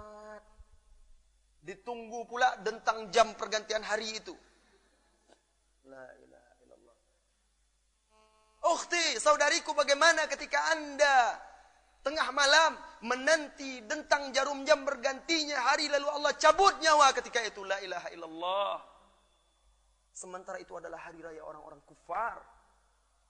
Murka dan laknat Allah turun ketika itu. Umar bin Khattab radhiyallahu anhu Amirul Mukminin sebagaimana diriwayatkan oleh Abdul Razak di dalam kitab musannafnya mengatakan, "La tadkhulu 'alal musyrikin fi kana'isihim fi a'yadihim, fa inna Allah tanzilu 'alaihim." Jangan kalian masuk, jangan kalian ikut serta bersama orang-orang musyrikin, baik dalam gerejanya atau di mana pun. Ketika mereka sedang merayakan hari raya-hari raya mereka, sesungguhnya kemurkaan Allah turun kepada mereka. Apa yang membuat kaum muslimin lalai? lengah, terpedaya, mengekor dan meniru orang-orang kufar karena lemahnya iman, lemahnya iman karena kurangnya ilmu syar'i. Kalau saja mereka tahu itu budaya kufar, tidak sejalan dengan akidah kita, sengaja dipropagandakan oleh orang-orang kufar untuk menjauhkan kita dari akidah kita, lalu kita lemah, ketika itu mereka akan menghancurkan kita. Kalau saja itu mereka mengerti dan paham dan memahami makna tauhid, makna la ilaha illallah, memang betul-betul ditanamkan oleh para dai, para ustadz dan para ulama, para orang tua, niscaya, niscaya mereka menjadikan tanggal 25, tanggal 1, tanggal 14, tanggal-tanggal lainnya yang mereka rayakan seperti hari Pasca dan semisalnya sama seperti hari-hari lainnya tidak ada kelebihannya. Karena hari raya kita sudah ada. Idul Fitri, Idul Adha, hari Jumat. Itu yang harus kita meriahkan. Itu yang harus yang harus kita Apakah rela kita orang itu merayakan kelahiran Tuhannya? Orang itu merayakan kelahiran Tuhannya. Tuhannya lahir sementara kita adalah umat yang mengemban Allahu Ahad, Allahu Samad, lam yalid wa lam yulad wa lam yakul lahu kufuwan ahad. Lalu kita ikut pula menyemarakkannya. Nah, jelas ini bertentangan dengan akidah Islamiyah. Wajib bagi setiap wanita-wanita yang menggenggam bara api di akhir zaman yang mengharapkan ridha Allah tabaraka wa taala yang memiliki cita-cita yang tinggi yaitu mendambakan sorga di sisi Allah untuk menjaga keluarganya dari fitnah-fitnah yang ada di depan mata seperti tahun baru nanti. Ya, karena itu menunjukkan kelemahan kita. Jaga anak-anak kita. Jangan sampai jaga keluarga kita, jangan sampai terpedaya dan terpengaruh. Malam itu, hari itu maksiat tumpah ruah di muka bumi. Jaga anak kita. Jaga, jaga anak kita. Daripada kita menunggu detak jam, detak jam perpindahan hari itu, lebih baik kita tidur untuk bangun tengah malam nanti bisa sholat malam. Bisa sholat subuh berjamaah. Ini larut malam kaum muslimin bergadang menghabiskan malam tahun baru. Besok uh, orang mengumandangkan azan. Hayya ala salah. As-salatu khairum minan naum. Tetapi mereka sedikit pun tidak tergerak. Lihat musibah Lihat musibah. Nah, jaga anak-anak kita. Jaga anak kita jangan sampai terpedaya. Trompet sudahlah, tinggalkan. Ingat Rasulullah Sallallahu Alaihi Wasallam ketika akan mensyariatkan azan dalam hadis yang sahih. Hadis tersebut ada dalam kitab Bulughul Maram dan disahihkan oleh Al Hafidz Ibnu Hajar Al Asqalani. Ketika Rasulullah Sallallahu Alaihi Wasallam akan mensyariatkan azan bermufakat dengan sahabat, lalu ada yang mengusulkan, ya Rasulullah, bagaimana cara uh, Rasulullah ketika itu mengajak mereka bermufakat bagaimana memberitahu kaum muslimin karena sudah banyak. Ada yang mengusulkan, "Ya Rasulullah, kita buat api besar." Apa kata Rasul? Apa kata Rasulullah? Itu simbol dan perbuatan orang Majusi. Rasulullah tidak mau. Lalu ada yang mengusulkan dengan buk, trompet. Waktu itu dari tanduk. Rasulullah tidak setuju juga. Rasulullah mengatakan itu milik orang Yahudi. Cara orang Yahudi untuk memanggil umatnya. Lalu ada lagi yang mengusulkan lonceng. Rasulullah juga tidak setuju karena itu budaya Nasrani, simbol Nasrani. Lihat Rasulullah tidak menyukainya. Dan itu simbol orang itu ketika merayakan Natal dan Tahun Baru pakai trom, trompet-trompet. Tinggalkan. Jaga anak kita. Jaga, jaga anak kita. Ini pengorbanan kita untuk agama agama kita. Nah, wajib juga bagi para dai, baik yang wanita daiat untuk menyampaikan ke di majelis-majelisnya kewajiban kita mempertahankan dan loyal kepada la ilaha illallah.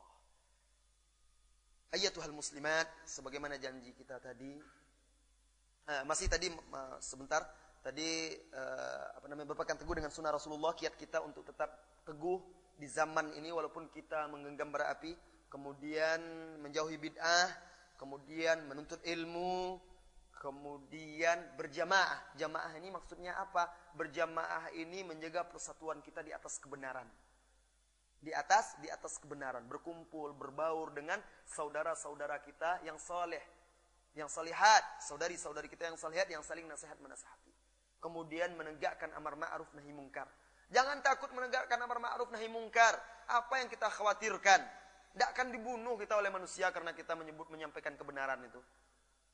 Kita tidak akan sampai seperti Masyitoh, tidak akan sampai seperti Asia karena kita menyuarakan kebenaran, menjelaskan kepada kaum muslimin, kaum muslimat tentang kewajiban menutup aurat misalnya akan disalib pula kita. Tidak. Alhamdulillah negeri kita aman. Lalu apa yang membuat kita takut? Saling menasehati satu dengan yang lainnya, menegur dengan cara hikmah yang bijaksana, memberikan hadiah kepada saudari kita, berikan hadiah buku-buku, kaset-kaset, kajian. Mudah-mudahan mereka mendapat mendapat petunjuk dari situ. Dan alangkah indahnya jika wanita-wanita muslimat semuanya memiliki semangat juang yang tinggi untuk agama Allah. Sudah tiba saatnya wahai para ibu, Wahai para fatayat, wahai para syabat, wahai para wanita muslimat, sudah tiba masanya kita untuk berjuang kepada Allah di jalan Allah taala dengan segala apa yang kita miliki, dengan yang kita mampu. Ibu-ibu yang mampu berkorban dengan waktunya, berjuang dengan waktu. Ibu-ibu yang bisa menggunakan kedudukannya untuk membantu tegaknya agama Allah, gunakan kedudukannya untuk membantu tegaknya agama Allah. Jangan gunakan agama Allah untuk kedudukannya. Tapi gunakan kedudukan kita tersebut yang akan membawa kita membawa kita ke sorga. Dan begitu seterusnya, setiap kita berjuang berdakwah sesuai dengan kedudukan, sesuai dengan posisi dan kemampuan kemampuan kita masing-masing. Uh, waktu yang tersisa kita gunakan untuk tanya jawab karena sudah jam 10 lewat tadi rencananya cuma sampai jam 10 setelah itu tanya jawab. Silahkan ibu-ibu yang mau bertanya boleh bertanya langsung dan juga boleh melalui tulisan Allahu a'lam. Ada pertanyaan ibu-ibu? Muslimat ini ada pertanyaan? Ustadz ada yang mengatakan Al-Quran tidak boleh diletakkan di bawah, di lantai. Al-Quran adalah kitabullah. Harus kita muliakan. Harus kita hormati. Tetapi kalau memang posisi kita ketika itu sedang berdiri. Lalu Al-Quran kita letakkan di lantai. Itu memang tidak tepat. Ya. Tetapi kalau kita sedang duduk, lalu kita letakkan di sisi kita, itu tidak apa-apa insya Allah. Itu tidak menghina, bukan menghinakannya. Tetapi kalau kita tinggikan, itu akan lebih lebih baik dan lebih bagus itu adab kita terhadap Al-Qur, terhadap Al-Qur'an. Allahu. Banyak wanita yang menganggap atau meremehkan tentang agama ini. Contoh seperti seorang yang kawin beda agama. Sesungguhnya dia tahu bahwa itu dosa, tetapi ia tetap melakukannya. Tetapi ia mengatakan jangan mencontoh karena itu tidak baik. Yang saya ingin tanyakan bagaimana menurut Ustadz tentang amalan-amalannya. Wanita muslimah haram menikah dengan pria non muslim. Berdasarkan firman Allah tabaraka wa taala di dalam Al-Qur'an di surat Al-Mumtahanah. Allah taala berfirman ayat 10. Allah taala berfirman, "La hunna hillul lahum wa la hum yahilluna lahun." Mereka wanita-wanita mukminah tidak halal bagi pria-pria kafir dan pria-pria kafir juga tidak halal bagi wanita-wanita mukminah. Jadi jelas dan tegas sekali firman Allah tabaraka wa taala ini. Nah, apabila ada wanita mukminah menikah dengan wanita dengan pria kafir, maka pernikahannya tidak sah dan itu adalah perzinahan. Nauzubillah. Dan dosanya sangat besar, wajib kita ingatkan kita ingatkan dia akan azab Allah, ingatkan dia akan kematian, ingatkan bahwa hidup dia tidak akan langgeng, tidak akan abadi. Apa yang diharapkan dari pria itu? Kalau hanya sekedar harta, harta itu akan lenyap, tidak akan menjamin kebahagiaan. Ya ukhti, wahai saudariku, tentu saudari semuanya merasakan harta tidak menjamin kebahagiaan. Baru hari Ahad yang lalu datang seorang uh, datang suami istri ke rumah. Datang suami istri ke rumah lalu mengeluh, Ustaz, saya ini sudah dua tahun mengkonsumsi obat dari rumah sakit jiwa. Saya mengalami depresi berat. Kata sang suami. Saya tidak tahu kenapa. Padahal, padahal dunia saya, sudah saya dapatkan. Saya tidak perlu lagi capek-capek bekerja. Tetapi saya tidak tahu, jiwa saya hampa. Bahkan kadang saya putus asa untuk hidup, bahkan saya sempat minum baygon. Nah kenapa sampai seperti itu? Dunia dia punya, harta dia punya, istri anak punya, kendaraan punya, apalagi yang perlu dikhawatirkan dan dicemaskan. Pernah juga seorang pengusaha, dia punya anak dua, eh tiga. Lalu salah seorang anaknya ini punya keanehan. Sudah dewasa anaknya, sudah kuliah. Anaknya ini tidak pernah mau makan di rumah. Tidak pernah minum. Kalau makan, minum di rumah dia muntah. Bahkan sampai kalau dia sholat, nggak mau dia berwudhu di rumah itu. Lalu orang tuanya curiga, mungkin mungkin ini kena jin mungkin ini. Akhirnya dia minta tolong, Ustaz bisa nggak tolong dirukyah? Lalu kita datang dengan sebagian kawan-kawan. Setelah kita analisa, kita tidak kita rukyah. Tapi akhirnya kita berbicara, kita pelajari keluarganya setelah beberapa kali pertemuan. Nyatalah bagi kita. Anak-anaknya setiap anak kuliah pakai mobil. Rumah besar. Usaha banyak tetapi apa? Itu semua tidak menjamin kebahagiaannya. Anak ini kehilangan kebahagiaan. Dia semenjak kecil memang tidak pernah makan semeja setempat duduk bersama orang tuanya. Ayahnya sibuk dengan urusan bisnisnya. Ibunya sibuk pula di sekolahnya mengajar. Pergi pagi pulang petang. Anaknya dengan pembantu mau makan, makanlah di warung. Sampai ketika saya bertamu beberapa kali ke rumahnya biasanya tuan rumah itu akan bangga dan senang membuatkan teh, kopi untuk tamu, menghidangkan kue-kue. Ini enggak. Panggil pembantunya, belikan teh botol sebelah. Teh botol, kue-kue roti-roti. Ini aneh rumah ini. Enggak ada yang makan bersama sekali diundang makan. Saya kira mereka akan memasakkan makanan. Rupanya nasi ramas, nasi bungkus dibeli. Makan bersama. Mendingan makan di warung aja. Nah ternyata seperti itu karena anak ini harta itu tidak membuat harta itu telah menyibukkan kedua orang tuanya. Anak ini lepas dia besar di jalanan, dia tidak merasakan ketenangan kebahagiaan di rumah sampai terbentuk karakternya entah kenapa uh, dia jadi muak dengan suasana di rumah itu. Kalau dia minum muntah, faktor psikologis dia, dia tidak bisa terima lagi. Makan dia di rumah itu muntah sampai seperti itu. Akhirnya bapak itu pun pernah berkata, Ustadz, saya kadang sholat zuhur itu, kadang saya sholat asar, lupa saya berapa rakaat saya sholat.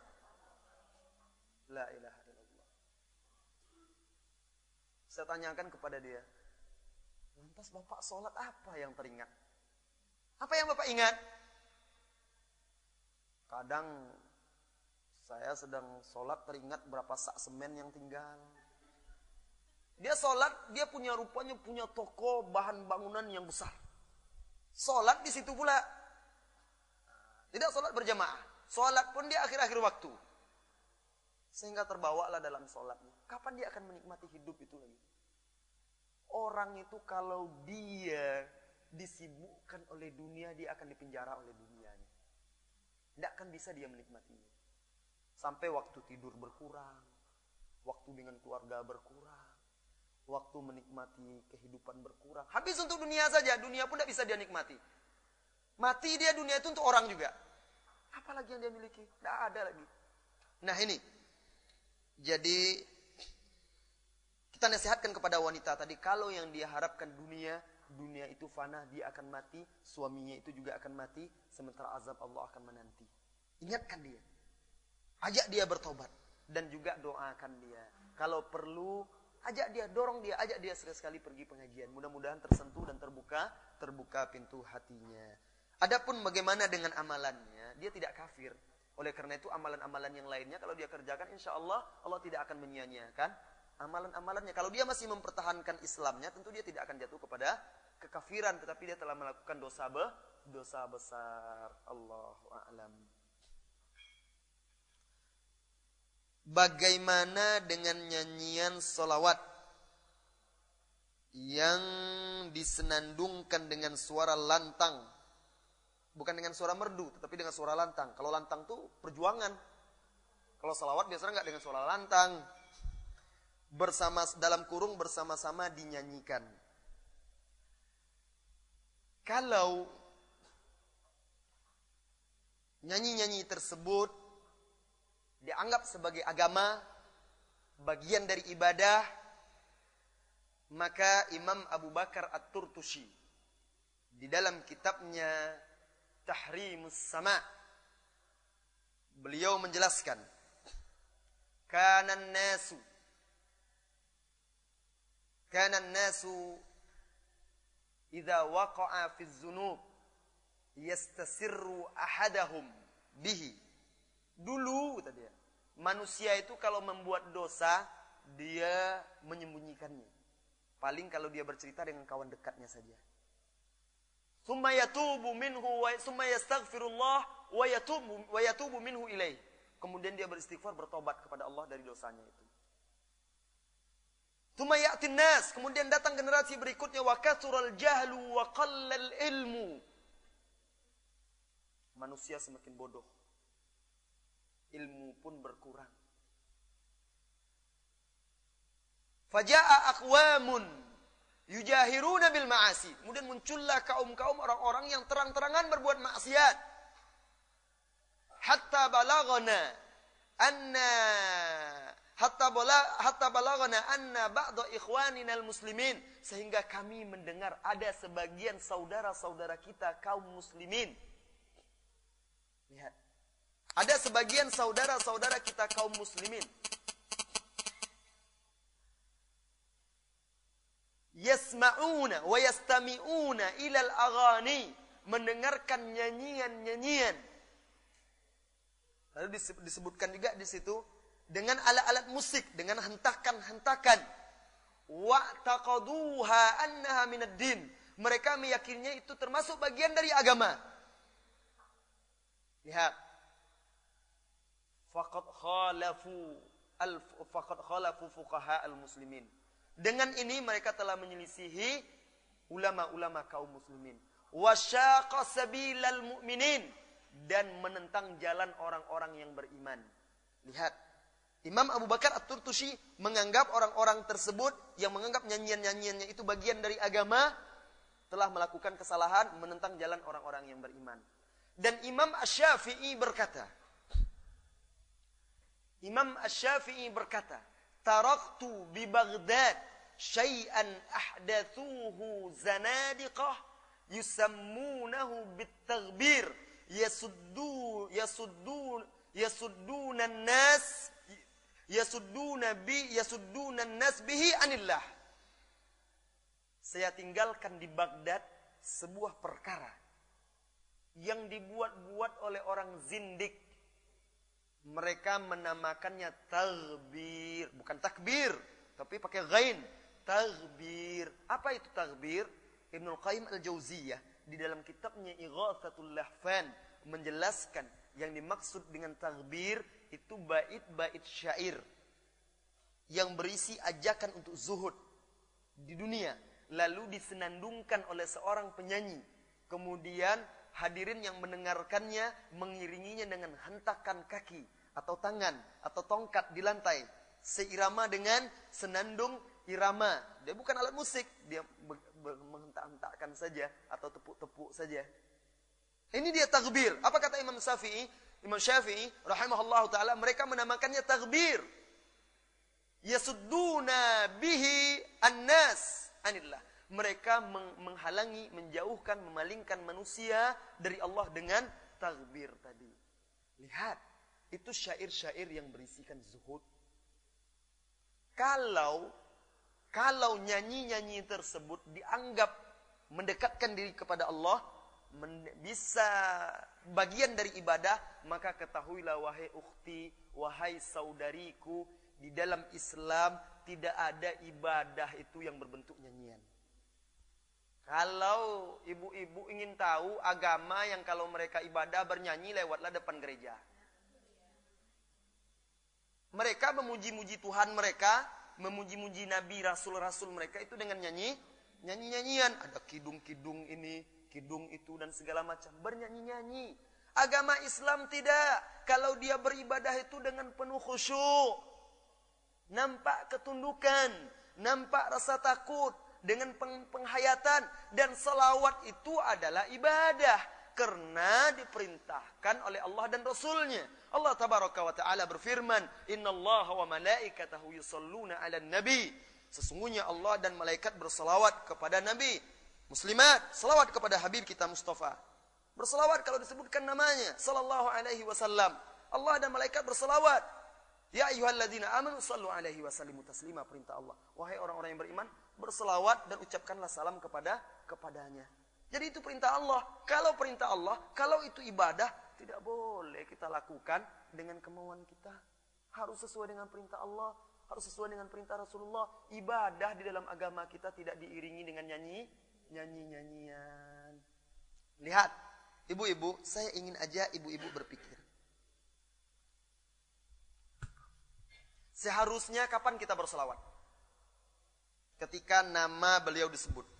Sampai-sampai Rasulullah Sallallahu Alaihi Wasallam bersabda, al-bakhil alladhi dzukirtu indahu falam yusalli alayya.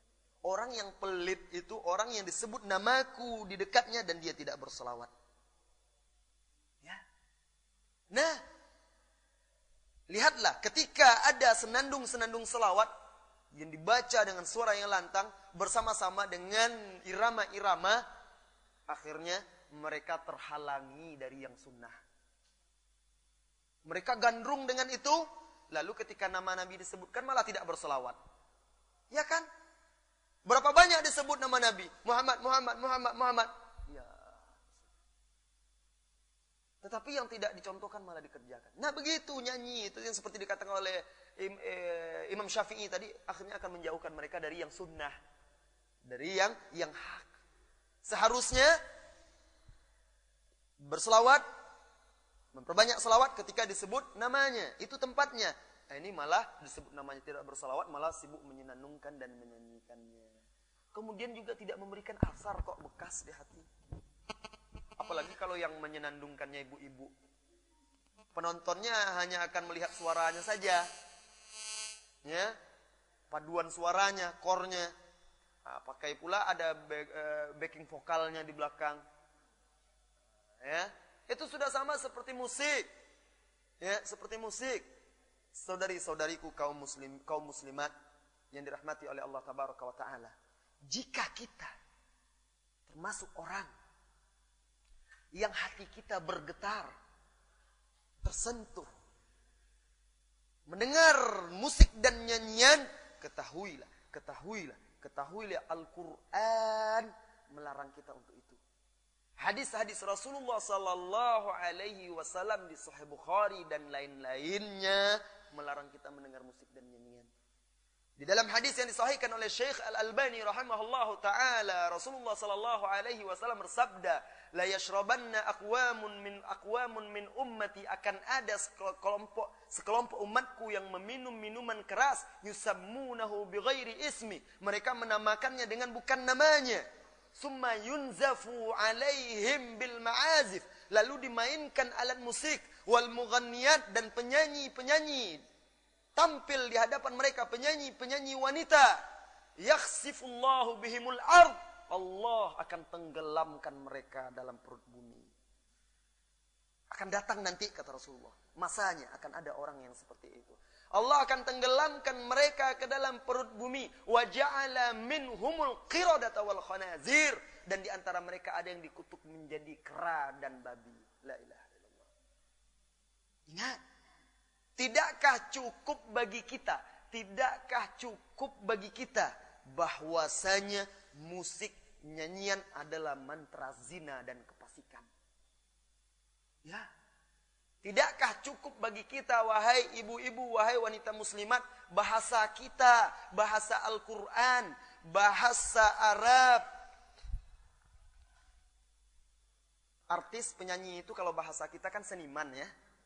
Disebut seniman dalam bahasa Arab, seniman itu disebut fanan. Fanan itu sinonimnya dalam bahasa Arab adalah himar. Himar itu dalam bahasa kita adalah keledai. Jadi dalam bahasa Al-Quran penyanyi itu keledai. Tidak cukup itu membuat kita menjauhinya. Eh itu bahasa kita. Kita saja yang tidak tahu padahal Al-Quran menamakan bahasa Al-Quran, bahasa menamakan seniman itu himar keledai dalam bahasa Arab. Ya. Nah, tidak perlu. Insya Allah Al-Quran lah yang akan menggerakkan kita. Lihatlah wahai para wanita muslimat. Al-Quran akan memberi syafaat kepada kita di hari kiamat. Musik nyanyian akan memberi syafaat. Tidak. Surah Al-Baqarah, surat Ali, surat, surat Ali Imran dalam hadis Abu Hurairah, hari kiamat ketika manusia dikumpulkan di padang mahsyar, maka surat Al-Baqarah, surat Ali Imran, ka'annahuma ghamamatan, seolah-olah dua awan yang akan menaungi sahibuhuma. Menaungi orang yang membacanya dan mengamalkannya. Surat Al-Mulk, Tabarak. Di dalam hadis Abu Daud juga dikatakan akan memberi syafaat kepada orang yang membaca dan mengamalkannya. Mana ada nyanyian memberi syafaat? Ya? Oleh karena itu, beribadahlah kita sesuai dengan ajaran Rasulullah Sallallahu Alaihi Wasallam termasuk salawat itu bagian dari ibadah maka hindari bersalawat dengan disertai nyanyi-nyanyian. Allah alam. Masih ada pertanyaan yang lain? Banyak ini. Ustadz umumnya orang-orang Indonesia dapat ilmu agama hanya di sekolah SD, SMP, SMA dan seterusnya Bagaimana orang tersebut biar sadar hatinya, menyadarkan hati orang tersebut akan tahu ilmu din, cinta kepada Allah, cinta kepada Rasul. Sementara pengajaran-pengajaran yang kebanyakan adalah pengajian bid'ah sulit sekali mengajak kepada agama yang hak. Mohon saran, syukron, afwan. Jadi cara berdakwah mengajak orang tentu berbeda-beda dari setiap kaum atau setiap orang sesuai dengan tingkat intelijensia dia. Tingkat akal dan pola pikir dia, latar belakang dia. Jadi berbeda-beda. Orang desa berbeda dengan orang kota. Orang yang berpendidikan berbeda dengan orang yang tidak berpendidikan. Oleh karena itu, ketika kita hendak berdakwah menyadarkan seseorang, kita lihat kondisi dia. Lihat karakter dia. Ada seseorang itu baru dia mau tunduk menerima kebenaran setelah berdebat, berdebat, berdebat. Selagi dia masih punya pelor, ditembaknya terus. Habis pelurunya, tidak ada senjata dia lagi baru. Oh iya Ustadz, iya Ustadz. Kalau masih bisa membantah, dibantahnya juga. Ada orang seperti itu. Ada juga orang tidak. Karakter dia memang Allah berikan tabiatnya lembut. Sehingga dia tidak bisa dikeraskan. Harus dengan lembut pula. Ya, dihargai, dihormati. Ada pula cara orang dengan diberi hadiah. Diberi hadiah. Lihat Rasulullah dakwah Rasulullah seperti itu. Ada kalanya Rasulullah memberi hadiah. Ada kalanya Rasulullah merangkulnya. Ada kalanya Rasulullah menasehatinya. Walau, bahkan walaupun orang itu pelaku maksiat. Tidak boleh kita menghina dan merendahkannya. Tidak boleh kita merendahkan dan menghinakannya. Saya teringat ada salah seorang sahabat. Dan itu sahih riwayatnya. Namanya Abdullah.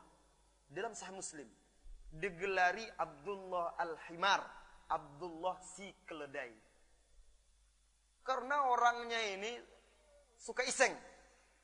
Suka menjahili orang. Ya karakter manusia itu di mana-mana ada. Sampai di zaman sekarang kan ada juga tipe orang seperti itu. Dan dia juga suka mabok. Pernah satu kali tertangkap dihadapkan dihadapkan kepada Rasulullah, ditegur, diingatkan, dicambuk.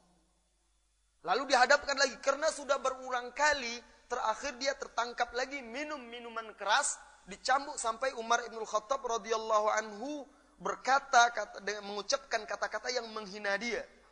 Alangkah hinanya kamu menyusahkan orang, menyusahkan Rasulullah. Sangat sangat besar apa yang kau perbuat ini. Dihinakannya, dicela. Apa kata Rasulullah? Jangan. Sesungguhnya aku mengetahui dia itu mencintai Allah dan Rasulnya. Lihat, Rasulullah tidak ingin orang menghinakan dia. Harus dengan kelembutan. Lihat ketika seorang pemuda datang ke majelis Nabi, seorang pemuda datang ke majelis Nabi, ketika itu ada para sahabat yang lainnya di masjid, datang seorang pemuda lalu berkata, "Ya Rasulullah, izinkan saya untuk berzina." I'dzan li bizina. Kalau ada zaman sekarang pemuda datang kepada seorang ustadz di majelisnya, "Ustadz, saya mau berzina." Mungkin ustadz itu langsung marah. Keluar. Mungkin ustadz-ustadz itu akan seperti itu. Tapi subhanallah, guru dan suri tauladan untuk para ustadz dan setiap kita. Rasulullah tidak mengusirnya. Bahkan ketika sahabat sudah mulai marah, Rasulullah hanya berkata, Adnihi minni, dekatkan dia kepadaku, dekatkan dia. Sehingga pemuda itu dekat.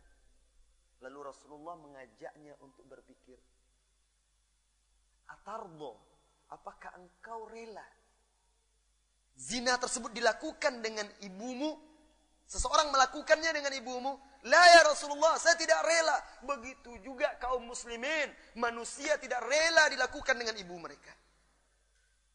Tardo, apakah engkau rela kalau seandainya ada orang yang berzina melakukannya dengan saudarimu? Tidak ya Rasulullah. Dan begitu seterusnya. Sampai akhirnya anak itu sadar. Dan Rasulullah pegang kalau tidak salah kepala atau dadanya, lalu Rasulullah mendoakannya. Ya Allah, lapangkan dadanya, terangi jiwanya dan ampuni dosanya. Seperti itu. Jadi berdakwah itu harus hikmah. Dengan lembut. Melihat kondisi orang itu. Berdakwah kepada orang yang lebih tua tentu tidak sama dengan yang sebaya dengan kita. Atau dengan yang lebih kecil. Gak mungkin orang yang lebih tua kita omeli di depan orang banyak. Kita sampaikan kata-kata yang kasar dan keras. Itu tidak ada, tidak beradab. Mungkin dia mengakui kebenaran, tapi karena dia tidak dihargai, akhirnya dia menolak. Padahal dia tahu itu benar. Nah ini. Jadi pelajari orang yang akan kita dakwah itu bagaimana karakternya, latar belakang dia, pola pikir dia sehingga kita bisa masuk bagaimana cara mendakwahi dia dengan dengan benar. Allahu a'lam. Orang tua saya kedua-duanya sudah meninggal. Bagaimana amalan saya untuk mereka? Mengingat ibu saya kuburannya jauh di Ternate. Apakah ziarah adalah ziarah maksudnya? Di sini pakai J. Iya, sama dengan antum. Apakah ziarah adalah suatu keharusan sedangkan saya hampir tidak pernah ziarah ke kuburan? Ibu saya semenjak beliau meninggal tahun 1996 Apakah saya berdosa karena itu? Apabila orang tua kita sudah meninggal, bakti kita kepada mereka tidak terputus. Kita tetap wajib berbakti. Bakti kita kepada mereka adalah dengan cara banyak mendoakannya. Banyak mendoakan orang tua kita. Kemudian menziarahi kuburannya. Tentu jika kita mampu.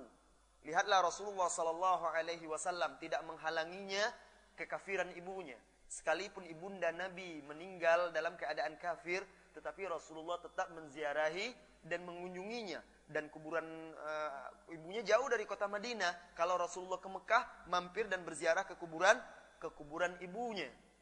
Rasulullah sallallahu alaihi wasallam bersabda, "Istadzantu Rabbi li astaghfira uh, li, an, li, li astaghfira li ummi saya meminta izin kepada Rabbku untuk beristighfar memohon ampunan untuk ibuku. Falam tetapi Allah tidak izinkan. Karena kita tidak boleh memohon ampunan untuk orang yang kafir. Summa rabbi li azura qabraha. Lalu aku meminta izin untuk menziarahi kuburannya. Fa'adina li. Lalu Allah mengizinkanku. Fazurul kubur. Ziarahilah kuburan fa innaha tuzakkirkumul maut. Karena ziarah kuburan itu mengingatkan kalian akan kematian. Jadi Rasulullah anjurkan, hukum asalnya ziarah kubur itu dianjurkan, apalagi orang tua kita. Tetapi tentu kalau kita mampu, kalau seandainya jauh, kita tidak bisa pulang dan segala macam, tidak berdosa selama kita tetap mendoakannya. Doakan dia. Doa itu di mana pun kita berada, tidak mesti harus di kuburan.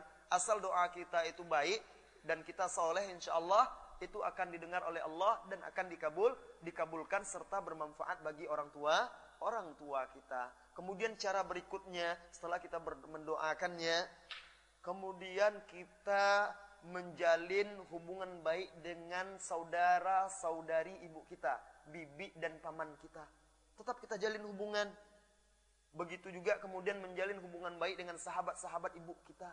Kita jaga itu juga bentuk bakti bakti kita Kemudian kalau kita punya adik-adik, kita rawat dan kita jaga, menggantikan ibu kita. Itu juga bentuk bakti kita kepada ibu atau ayah kita yang sudah yang sudah wafat. Semoga Allah mengampuni, merahmati orang tua kita yang sudah meninggal. Allahu a'lam. Berkenaan dengan tahun baru, ada sekelompok kaum muslim melakukan zikir bersama dengan keras bahkan sambil menangis. Bagaimana menurut pendapat Ustadz mengenai zikir bersama dan apa hukumnya? Syukron. Afwan. Di dalam hadis Bukhari,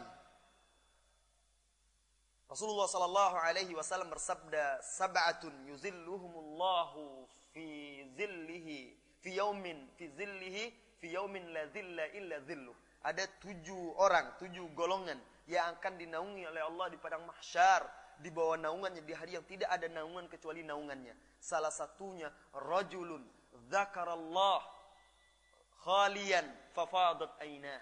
Seseorang yang berzikir sendirian lalu menetes air matanya, menangis. Rasulullah sallallahu alaihi wasallam juga bersabda, "Ainan la tamussuhu la tamussuhu nar." Ada dua mata yang tidak akan disentuh oleh api neraka. Salah satunya ainun bakat min khasyatillah, mata yang menangis karena takut kepada Allah tabaraka wa taala. Perhatikan wahai saudariku, keutamaan-keutamaan ini adalah orang yang menangis ketika dia berzikir dia sendiri sendirian. Karena itu yang menunjukkan dia ikhlas. Tidak ada orang lain, dia sendiri. Apa yang mendorong dia menangis lagi? Tengah malam dia bangun, tidak ada orang lain. Dia sendiri berdoa, berzikir kepada Allah, memohon ampunan, menetes air matanya. Apa yang membuat dia menangis? Kalau bukan karena takut kepada kepada Allah Tabaraka wa Ta'ala. Ini menunjukkan keikhlasan dia. Tetapi kalau di depan orang itu tidak menjamin keikhlasan. Nonton film India orang menangis juga sebagian. Nonton sinetron menangis juga. Hah? Menangis saja satu orang matikan lampu. Matikan lampu, kemudian Ustadz berceramah mengingatkan dosa-dosa ini dengan suara yang turun naik, yang nadanya dibuat sedemikian rupa. Lalu ada seseorang yang memancing, mulailah. Terbawa-bawa, itu biasa.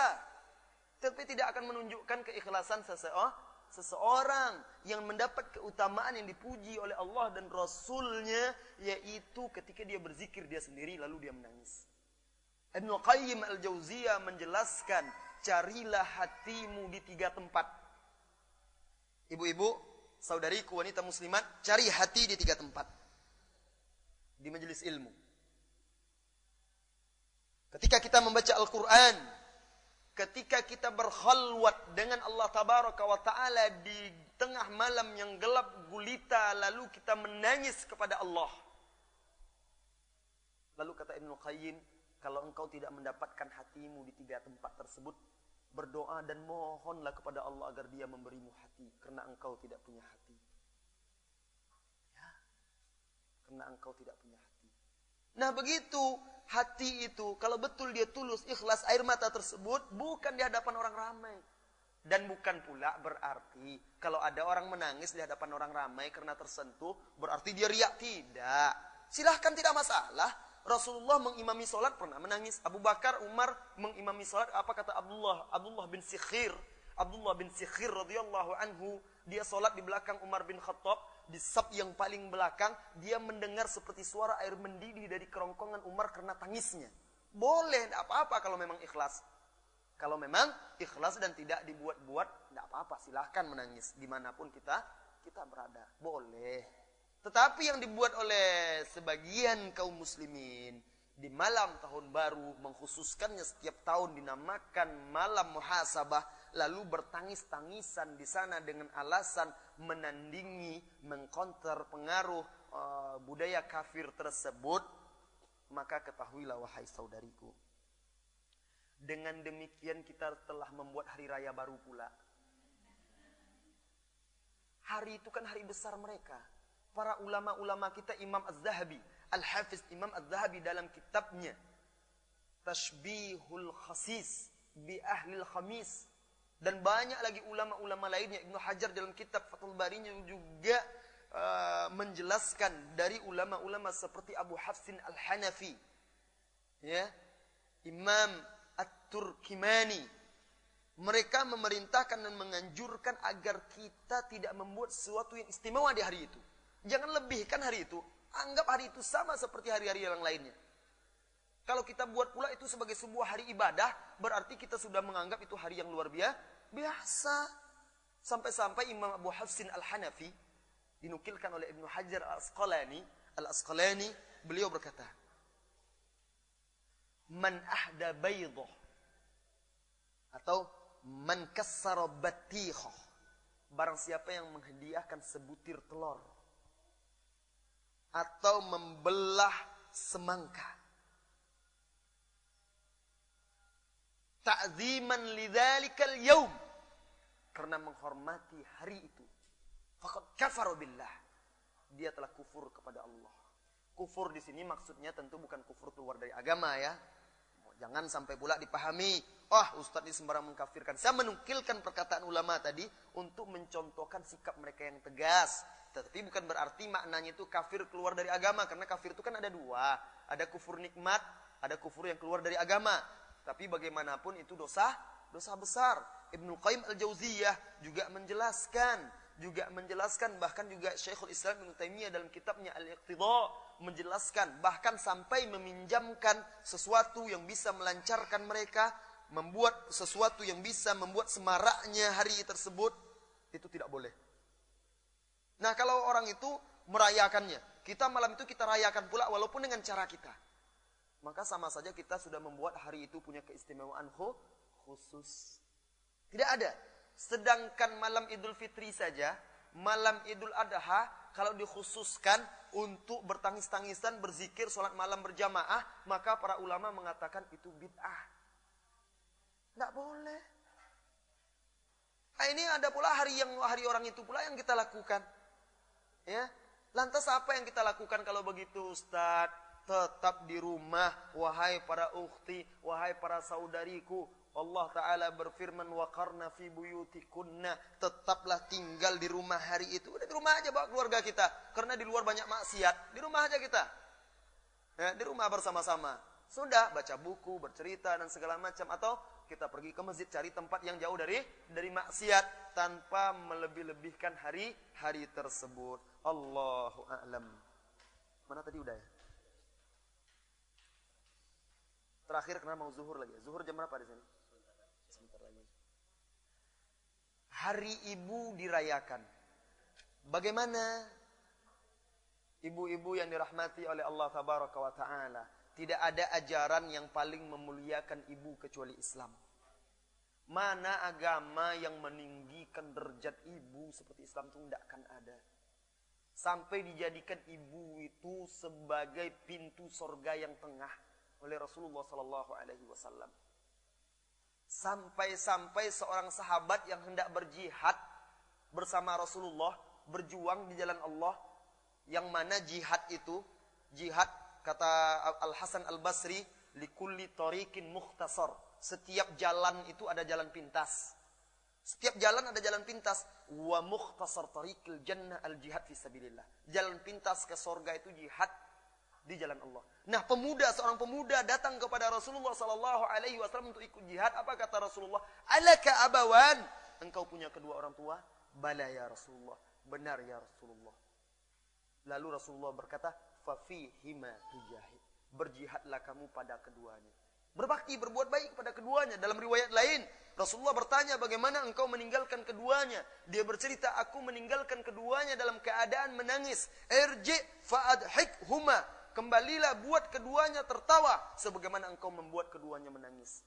Lihat. Padahal untuk beribadah berjihad itu yang besar pahalanya langsung masuk surga insya Allah kalau mati sahid. Karena dia meninggalkan orang tuanya dalam keadaan menangis, tidak mengizinkannya, disuruh kembali lagi. Ya. Begitu besarnya Islam. Jadi tidak perlu lagi sebenarnya kalau kita ingin mengetahui kedudukan seorang ibu, ingin menghargainya, ingin menghormatinya, cukup pelajari aja Islam. Tidak perlu ada hari ibu lagi. Iya, anak-anak kita tuh ajarkan dia berbakti akhlak yang benar, ajarkan prinsip Islam dan contohkan pula kita berbakti kepada orang tua kita agar anak kita ikut berbakti pula dia. Maka sepanjang masa dia akan ingat kepada kita. Sepanjang masa anak kita akan ingat kepada kepada ibunya. Ibunya yang dulu bersusah payah hidup mati melahirkannya. Ibunya yang dulu rela, rela menyusuinya daripada berdada seksi. Ibunya yang dulu lebih rela hamil, perutnya buncit daripada berpanggul seksi. Untuk demi dia, ibunya yang rela tidak tidur malam agar dia bisa tidur. Ingat dia, tidak seperti sekarang banyak generasi-generasi sekarang anak-anak sekarang tidak peduli sama ibunya. Padahal hari hari ibu terus saja setiap tahun. Ya. Jadi Islam, Al-Qur'an bahkan sudah mengingatkan itu, melebihkan ibu. Bahkan hak ibu itu tiga banding tiga dibandingkan hak seorang hak seorang ayah. Beruntunglah wanita-wanita yang menjadi ibu di dalam Islam. Kita cukupkan sampai di sini ibu-ibu. Saya mohon maaf. Kesalahan-kesalahan, kekurangan dan khilaf adalah dari saya dan dari syaitan. Kebenaran hanyalah dari Allah dan dari Rasulullah sallallahu alaihi wasallam. Semoga Allah mengampuni dosa kita meneguhkan kita di atas kebenaran. Tetaplah berjuang untuk agama Allah tabaraka wa taala agar kita bisa bertemu dengan Allah dan Rasulnya di yaumil qiyamah. Wa sallallahu wasallam ala nabiyyina Muhammad walhamdulillahi rabbil alamin. Subhanakallahumma bihamdika asyhadu an la ilaha illa anta astaghfiruka wa atubu ilaik. Assalamualaikum warahmatullahi wabarakatuh. وإذا قرئ القرآن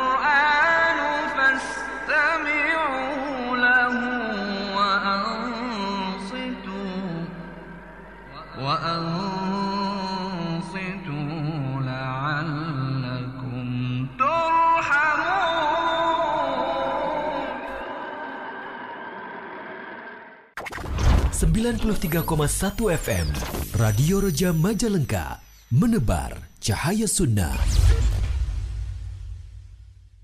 Suratul Rahman.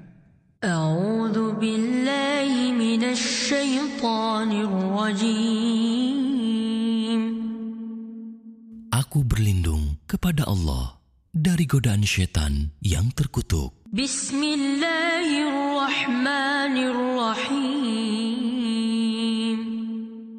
Dengan menyebut nama Allah yang Maha Pemurah lagi Maha Penyayang. الرحمن علم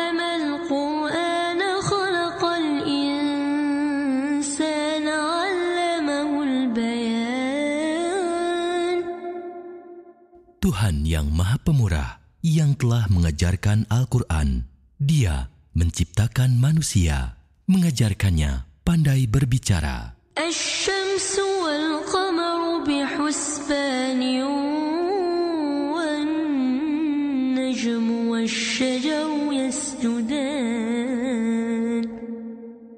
Matahari dan bulan beredar menurut perhitungan, dan tumbuh-tumbuhan dan pohon-pohonan, kedua-duanya tunduk kepadanya.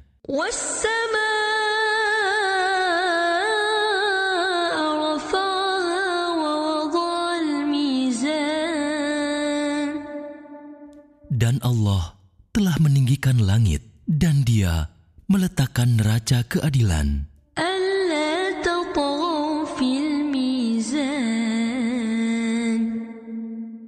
supaya kamu jangan melampaui batas tentang neraca itu.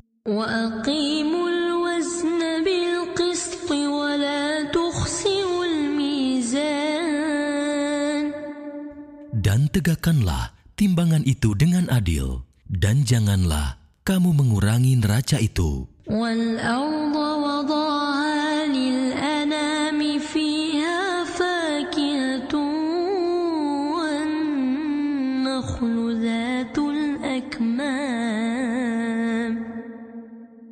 Dan Allah telah meratakan bumi untuk makhluknya. Di bumi itu ada buah-buahan dan pohon kurma yang mempunyai kelopak mayang. والحب ذو العصف والريحان Dan biji-bijian yang berkulit dan bunga-bunga yang harum baunya. فبأي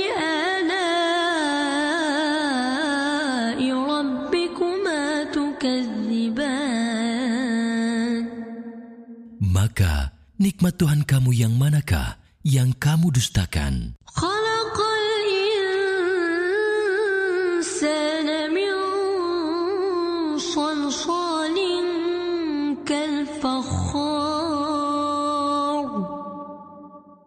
Dia menciptakan manusia dari tanah kering seperti tembikar.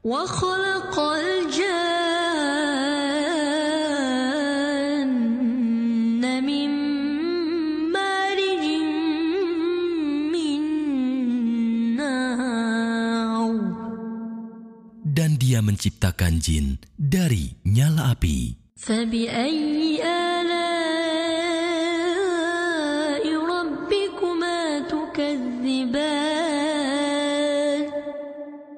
Maka nikmat Tuhanmu yang manakah yang kamu dustakan?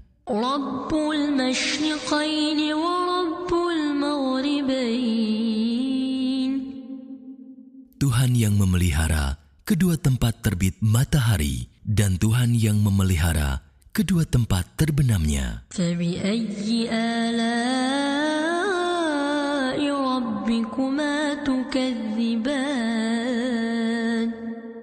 Maka nikmat Tuhan kamu yang manakah yang kamu dustakan?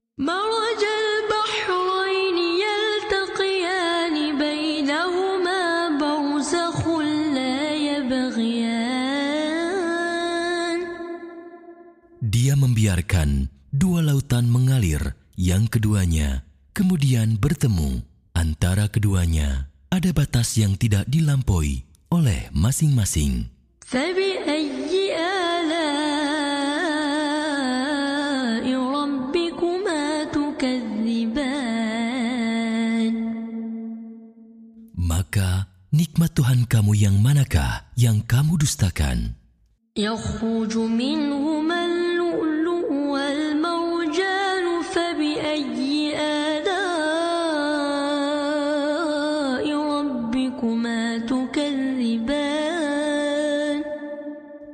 keduanya keluar mutiara dan marjan, maka nikmat Tuhan kamu yang manakah yang kamu dustakan?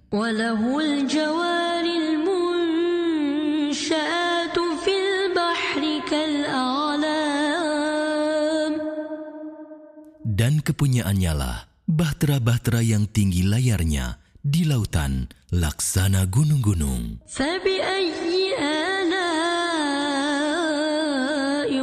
ربكما تكذبان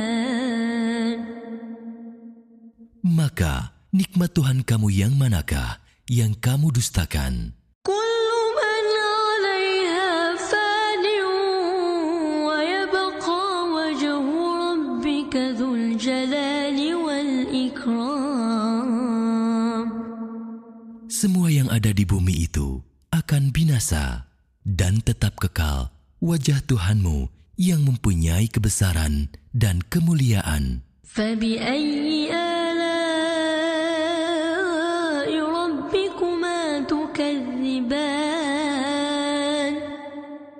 Maka nikmat Tuhan kamu yang manakah yang kamu dustakan? Yas'aluhu fis samawati wal ardh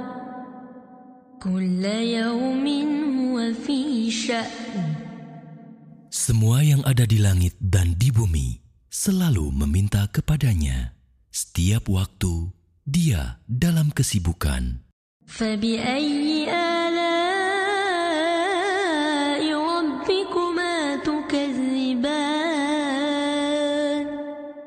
Maka nikmat Tuhan kamu yang manakah yang kamu dustakan?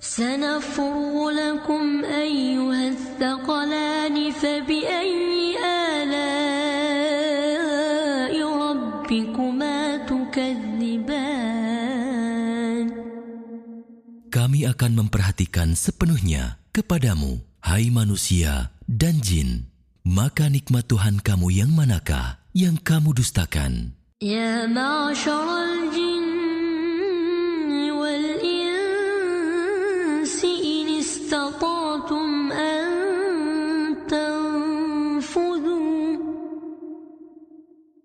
إن استطعتم أن تنفذوا من أقطار السماوات والأرض فانفذوا. لا تنفذون إلا بسلطان. Hai jamaah jin dan manusia, Jika kamu sanggup menembus, melintasi penjuru langit dan bumi, maka lintasilah. Kamu tidak dapat menembusnya, melainkan dengan kekuatan.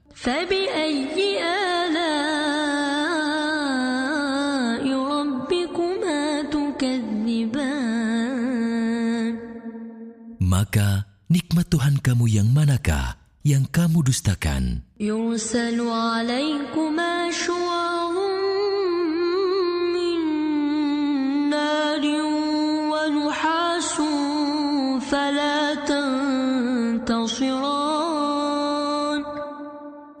kamu, jin dan manusia, dilepaskan nyala api dan cairan tembaga.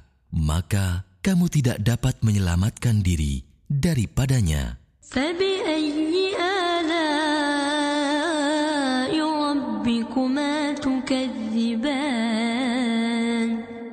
Maka nikmat Tuhan kamu yang manakah yang kamu dustakan? فإذا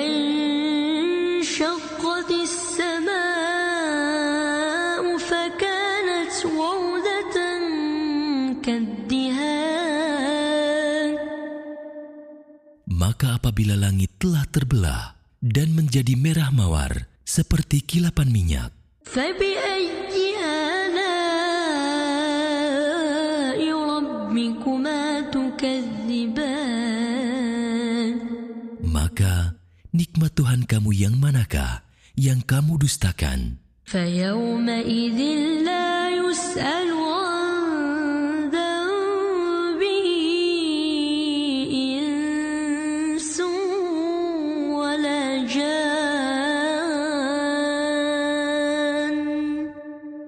Pada waktu itu, manusia dan jin tidak ditanya tentang dosanya.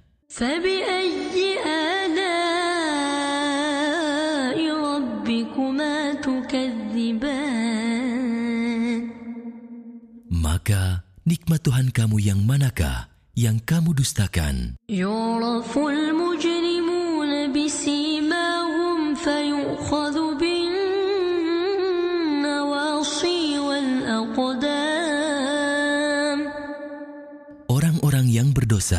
dikenal dengan tanda-tandanya, lalu dipegang ubun-ubun dan kaki mereka.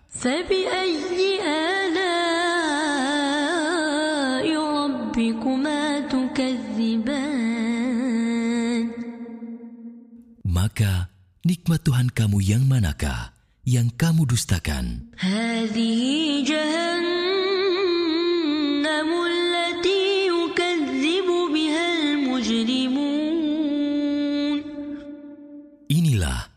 neraka jahanam yang didustakan oleh orang-orang berdosa.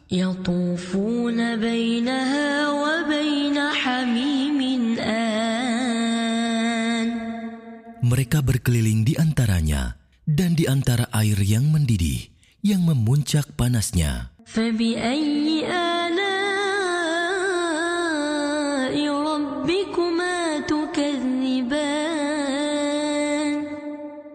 Maka nikmat Tuhan kamu yang manakah yang kamu dustakan?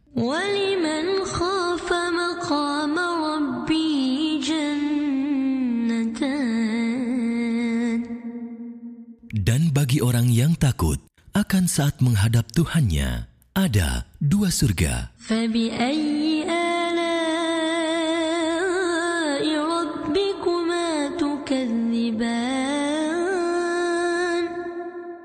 Maka nikmat Tuhan kamu yang manakah yang kamu dustakan?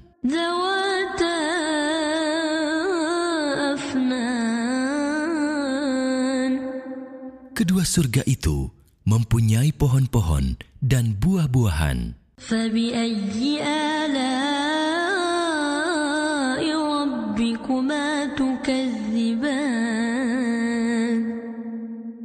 Maka Nikmat Tuhan kamu yang manakah yang kamu dustakan? Di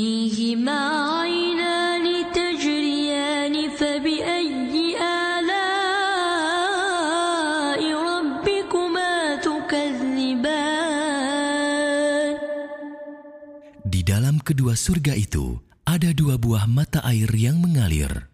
Maka nikmat Tuhan kamu yang manakah yang kamu dustakan?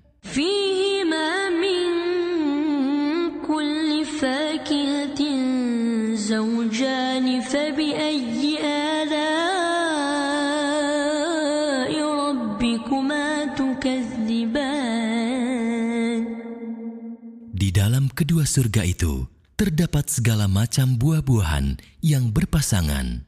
Maka nikmat Tuhan kamu yang manakah yang kamu dustakan? متكئين على فرش بطائنها من استبرق وجنى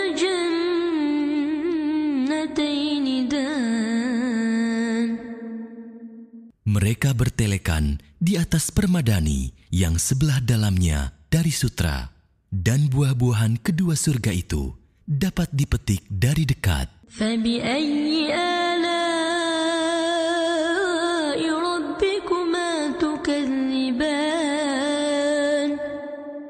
Maka nikmat Tuhan kamu yang manakah yang kamu dustakan?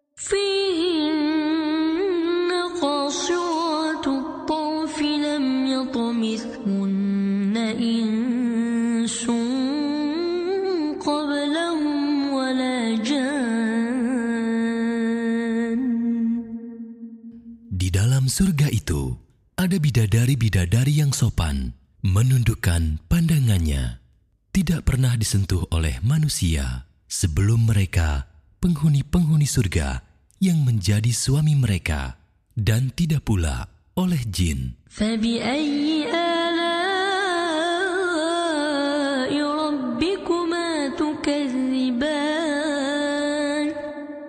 Maka nikmat Tuhan kamu yang manakah? yang kamu dustakan.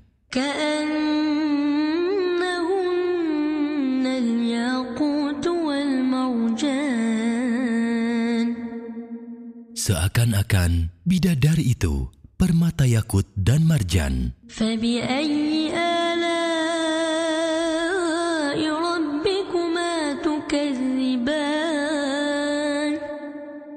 Maka nikmat Tuhan kamu yang manakah? yang kamu dustakan. Hal jazaa'ul ihsani illa al-ihsanu ayyi ala'i rabbikuma tukadziban. Tidak ada balasan kebaikan kecuali kebaikan pula. Maka nikmat Tuhan kamu yang manakah yang kamu dustakan? Wa min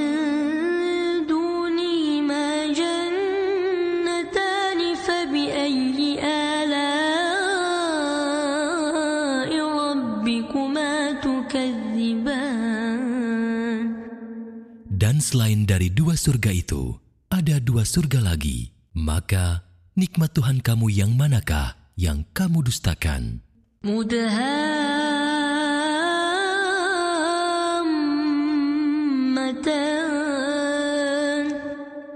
Kedua surga itu kelihatan hijau tua warnanya.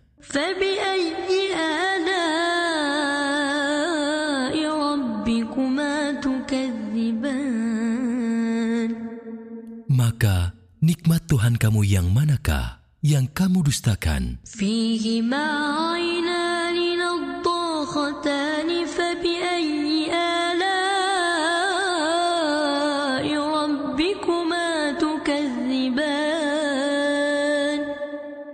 dalam kedua surga itu ada dua mata air yang memancar. Maka nikmat Tuhan kamu yang manakah yang kamu dustakan? فيهما فاكهة ونخل ورمان فبأي آلاء ربكما تكذبان Di dalam keduanya ada macam-macam buah-buahan dan kurma serta delima. Maka nikmat Tuhan kamu yang manakah yang kamu dustakan.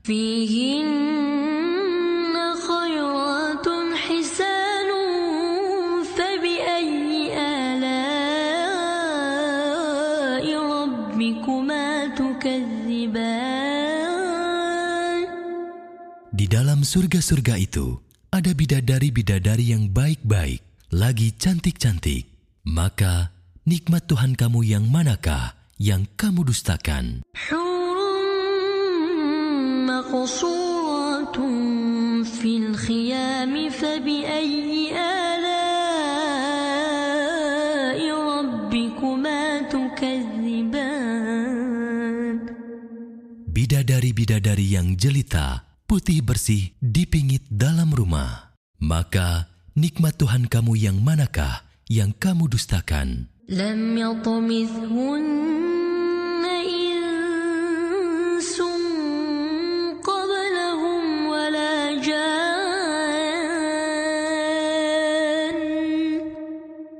Mereka tidak pernah disentuh oleh manusia sebelum mereka penghuni-penghuni surga menjadi suami mereka dan tidak pula oleh jin. فبأي آلاء ربكما تكذبان Maka nikmat Tuhan kamu yang manakah yang kamu dustakan? متكئين على رفرف خضر وعبقري حسان Mereka bertelekan pada bantal-bantal yang hijau dan permadani-permadani yang indah. فبأي آلاء ربكما تكذبان Maka nikmat Tuhan kamu yang manakah yang kamu dustakan? تبارك اسم ربك ذي الجلال والإكرام Maha Agung nama Tuhanmu yang mempunyai kebesaran dan karunia.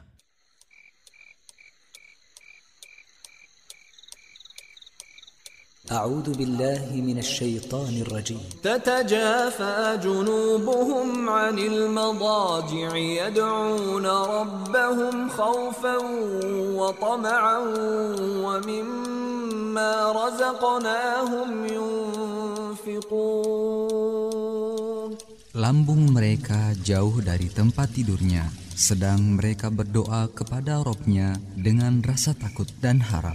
Dan mereka menafkahkan sebahagian dari rizki yang kami berikan kepada mereka.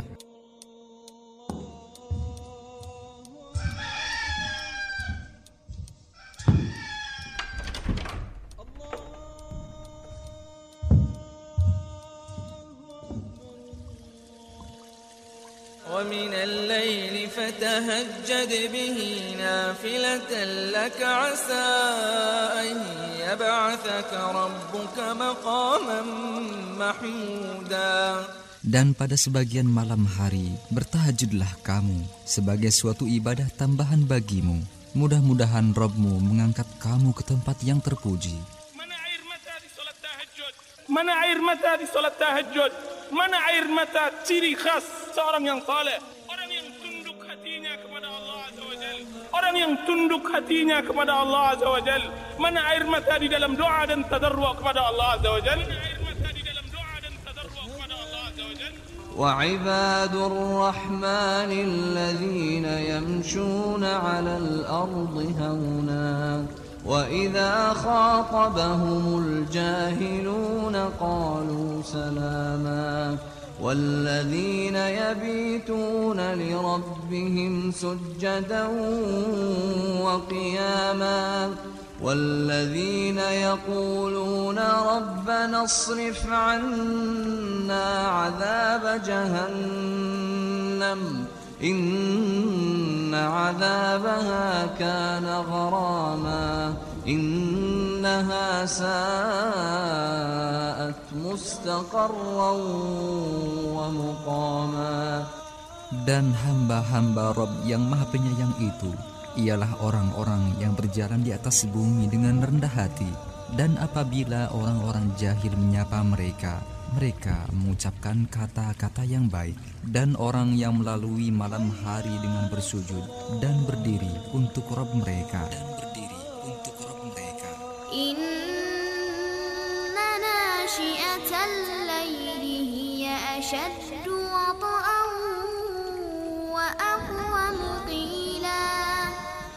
Sesungguhnya solat malam itu Hiya asyaddu wat'a Lebih menguatkan hati Wa aqwamu qila Dan ibadah yang paling baik Radio Roja Majalengka 93,1 FM menebar cahaya sunnah. قال الرسول قال الرسول صلى الله عليه وسلم عن أبي بكرة نفيع بن الحارث الثقفي رضي الله عنه أن النبي صلى الله عليه وسلم قال إذا التقى المسلمان بسيفيهما فالقاتل والمقتول في النار. قلت يا رسول الله هذا القاتل فما بال المقتول؟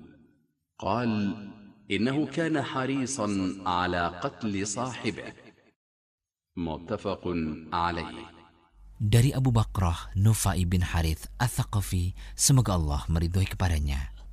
Sesungguhnya Rasulullah Shallallahu Alaihi Wasallam bersabda, jika dua orang Muslim bertemu dengan pedang masing-masing, maka pembunuh dan orang yang terbunuh di dalam neraka. Aku bertanya, wahai Rasulullah, begitulah si pembunuh. Namun bagaimana dengan orang yang terbunuh?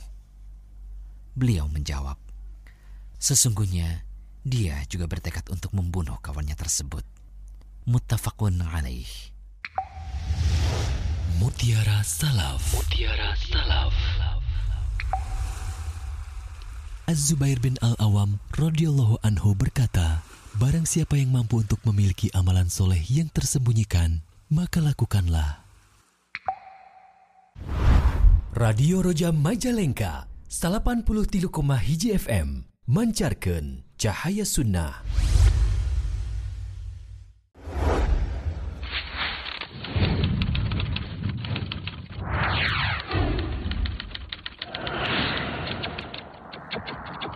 فتاوى مختارة Fatwa-fatwa para ulama ahlu sunnah wal jamaah حكم المشاركة في المسابقات القرآنية وأخذ الجوائز على ذلك. لا بأس بذلك. قال صلى الله عليه وسلم إن أحق ما أخذتم عليه أجرا كتاب الله. فلا بأس بأخذ العجرة الأجرة على تعليم القرآن وتعلمه. نعم. Sebuah pertanyaan diberikan kepada Syekh Saleh bin Fauzan al-Fauzan hafizahullah taala, apa hukum mengikuti perlombaan yang berkaitan dengan Al-Qur'an dan mengambil hadiah dari perlombaan tersebut? Syekh hafizahullah taala menjawab, hal itu tidak mengapa. Rasulullah Shallallahu alaihi wasallam bersabda, "Inna haqqu ma akhadtum alaihi ajran kitabullah." Sesungguhnya yang paling layak untuk kalian ambil imbalan daripadanya adalah kitabullah maka tidak mengapa seorang mengambil imbalan atas mengajarkan Al-Quran dan mempelajarinya. فتاوى مختارة Fatwa-fatwa para ulama ahlu sunnah wal jamaah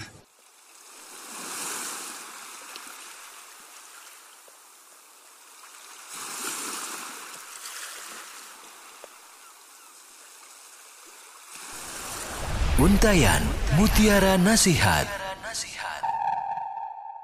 Alhamdulillah, salatu wassalam ala rasulillah wa ba'd. Pemirsa yang dirahmati oleh Allah subhanahu wa ta'ala.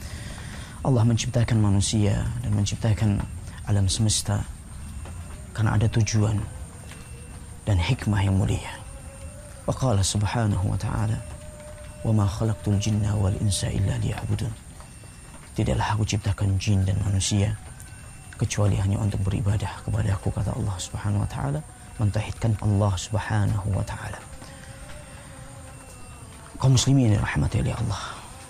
Inilah tujuan kenapa kita ada di muka bumi ini. Inilah tujuan yang mulia. Kenapa Allah turunkan Al-Qur'annya, utus Rasulnya sallallahu alaihi wasallam di muka bumi. Tiada lain tidak bukan untuk diajli kalimat la ilaha illallah. La ilaha illallah. La ma'budu bihaqqin illallah.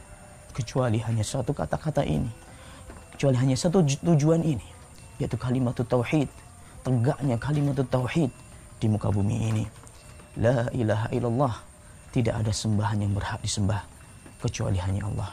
Untuk itu jangan heran kalau kalimat la ilaha illallah tauhid menjadi inti rakaisu da'watil anbiya wa rusul, menjadi inti dakwahnya para nabi dan rasul karena Allah Subhanahu wa taala telah menegaskan dalam Al-Qur'an dalam banyak ayat di antaranya wa ma arsalna min qablika min rasulin illa nuhi ilaihi annahu la ilaha illa ana fa'budun dan tidaklah aku utus engkau dan nabi sebelum engkau wahai Muhammad kecuali aku wahyukan kepada mereka hendaknya engkau sembah Allah subhanahu wa ta'ala saja.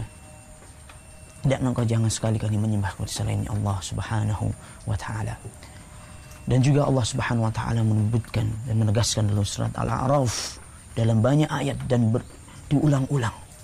Dalam banyak ayat Allah Subhanahu wa taala menegaskan di antaranya Al-A'raf 65 Wa ila adin akhahum huda. Qala ya qaum Ani ibudullah ma lakum min ilahin ghairuh. Dan kepada kaum Ad Atau aku utus Hud. Dan Hud mengatakan dan menyampaikan kepada kaumnya Wahai kaumku Sembahlah Allah. Sembahlah Allah saja. Dan tidak ada sembahan yang berhak disembah kecuali hanya Allah Subhanahu wa taala. Wa ila madyana akhahum syu'aiba Qala ya qaumi budullaha ma lakum min ilahin ghairuh. Dan kepada kaum dan kepada kaum Madian aku utus saudara mereka yaitu Syuaib dan dia menegaskan dan dia menyampaikan menyeru kaumnya wahai kaumku. Sembahlah Allah. Tidak ada sembah yang berhak kalian sembah kecuali hanya Allah subhanahu wa taala.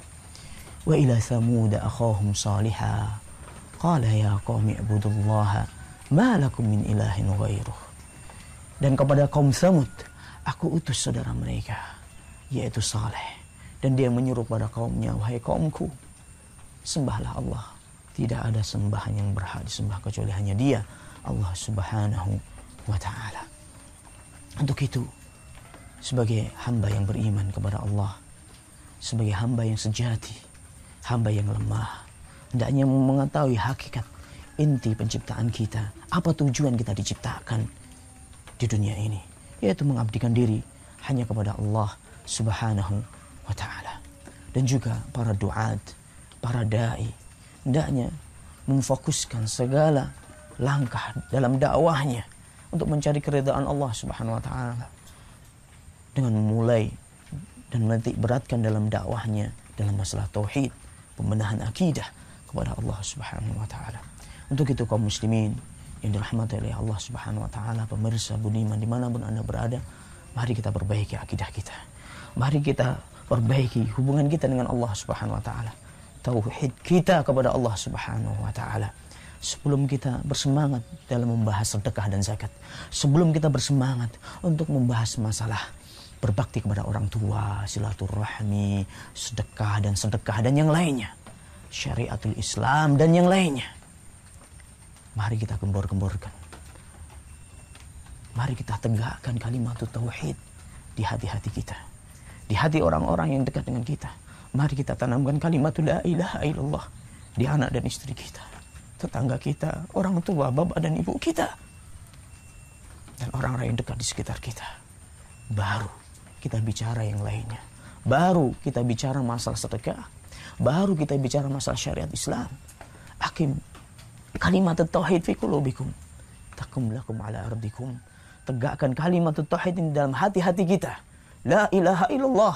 La ma'budu bihaqqin illallah. Tidak ada sembahan yang berhak disembah kecuali hanya Allah Subhanahu wa taala. Kita tegakkan dalam hati kita. Niscaya Allah Subhanahu wa taala akan menegakkan agama ini menegakkan syariat yang mulianya di bumi, di maya pada ini, di negeri yang kita cintai ini. Naam ikhwah, kita ingin mengharapkan kemuliaan di sisi Allah. Kita ingin mengharapkan kebahagiaan. Kita ingin mengharapkan kehidupan gemahri pahala jinawi. Toto tentram kertar harja, kekuatan ekonomi. Kita ditakuti oleh musuh-musuh kita. Itu yang kita harapkan kan? Dengan syarat tegakkan kalimat tauhid dalam hati-hati kita.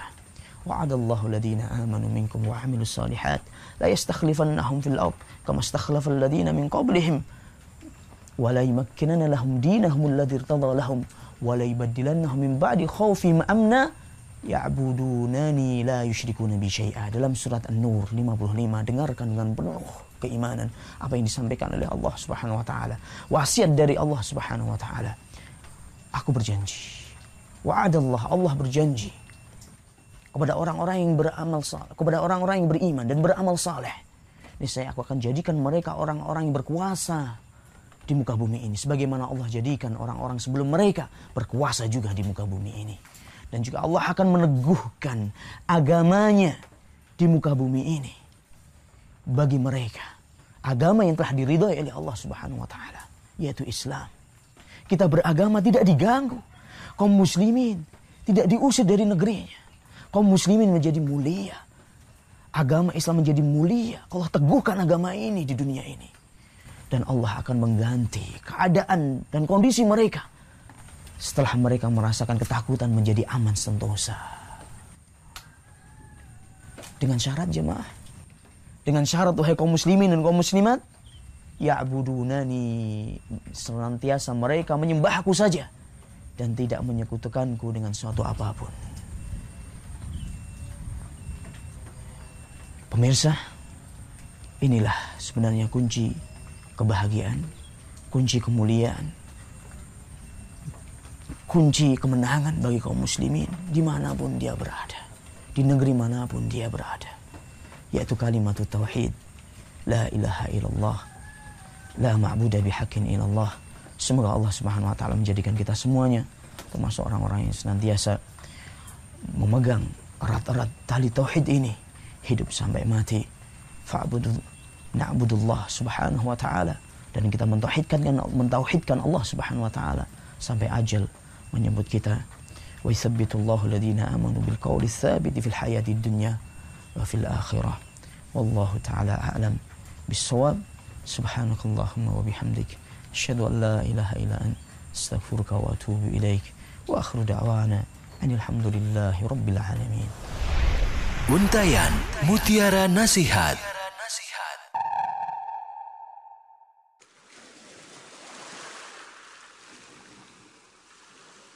وما أمروا إلا ليعبدوا الله مخلصين له الدين حنفاء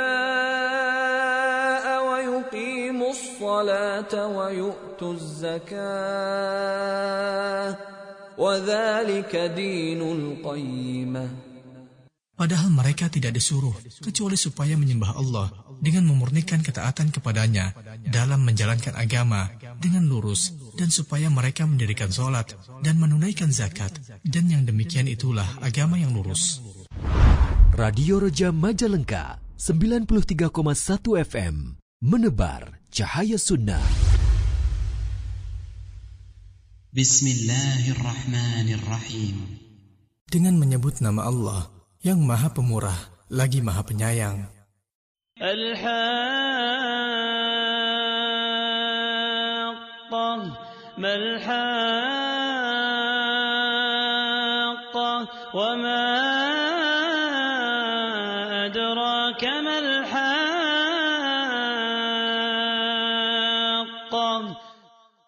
Hari kiamat.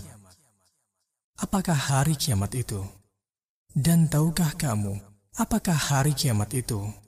كذبت ثمود وعاد بالقارعة فأما ثمود فأهلكوا بالطاغية وأما عاد فأهلكوا بريح صرصر عاتية Kaum Samud dan Ad telah mendustakan hari kiamat. Adapun kaum Samud, maka mereka telah dibinasakan dengan kejadian yang luar biasa. Adapun kaum Ad, maka mereka telah dibinasakan dengan angin yang sangat dingin, lagi amat kencang. سخرها عليهم سبع ليال سخرها عليهم سبع ليال وثمانية أيام حسوما فترى القوم فيها صرعا كأنهم أعجاز نخل خاوية فهل ترى لهم من باقية Yang Allah menimpakan angin itu kepada mereka selama tujuh malam dan delapan hari, terus-menerus. Maka kamu lihat kaum Ad pada waktu itu mati berkelimpangan, seakan-akan mereka tunggul-tunggul pohon kurma yang telah lapuk. Maka kamu tidak melihat seorang pun yang tinggal di antara mereka. وجاء فرعون ومن قبله والمؤتفكات بالخاطئة فعصوا رسول ربهم فأخذهم أخذة رابية Dan telah datang Firaun dan orang-orang yang sebelumnya dan penduduk negeri-negeri yang dijungkir balikan karena kesalahan yang besar. Maka masing-masing mereka mendurhakai Rasul Rob mereka, lalu Allah menyiksa mereka dengan siksaan yang sangat keras. Inna lamma tagal ma'u hamalnakum fil jariya linaj'alaha lakum tadhkiratan wa ta'iyaha udhunun wa'iyah Sesungguhnya kami tatkala air telah naik sampai ke gunung, kami bawa nenek moyang kamu ke dalam bahtera, agar kami jadikan peristiwa itu peringatan bagi kamu dan agar diperhatikan oleh telinga yang mau mendengar. فإذا نفخ في الصور نفخة واحدة وحملت الأرض والجبال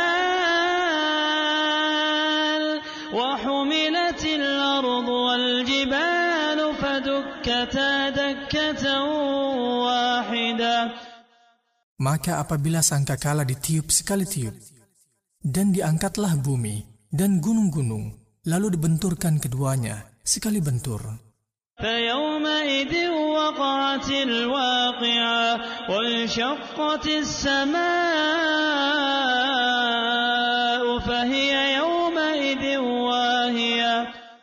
Maka pada hari itu terjadilah hari kiamat.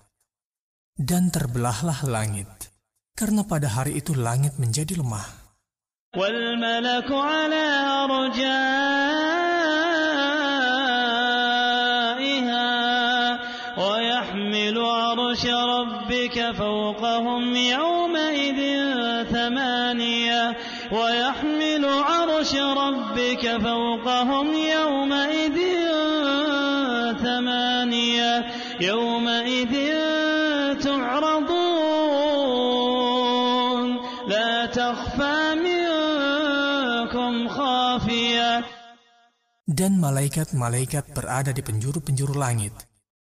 Dan pada hari itu, delapan orang malaikat menjunjung arsy Rabbmu di atas kepala mereka.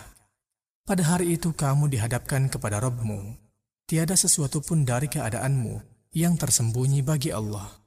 فأما من أوتي كتابه بيمينه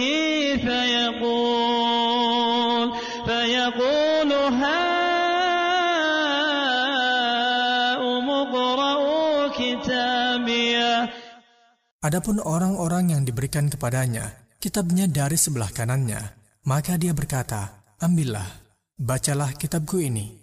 Inni dhanantu anni mulaqin hisabiya, fahuwa fi 'ishatin radiya, fi jannatin 'aliya, qutufuha daniya, kulu washrabu haniya.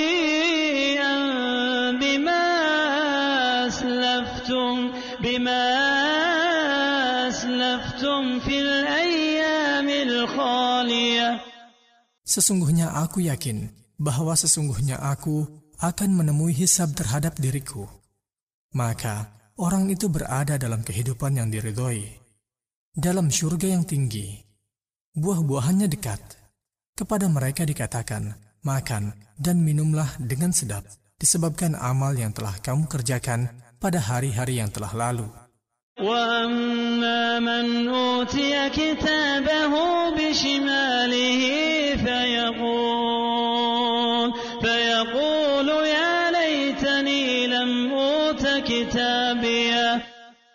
Adapun orang yang diberikan kepadanya kitabnya dari sebelah kirinya, maka dia berkata, Wahai alangkah baiknya, kiranya tidak diberikan kepadaku kitabku ini. Ya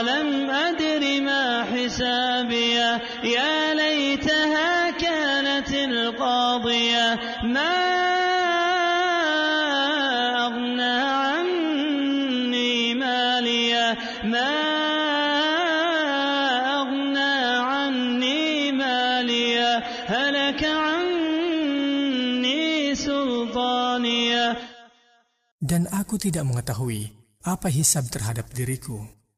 Wahai kiranya, kematian itulah yang menyelesaikan segala sesuatu. Hartaku sekali-kali tidak memberi manfaat kepadaku. Telah hilang kekuasaanku dariku. خذوه فغلوه ثم الجحيم صلوه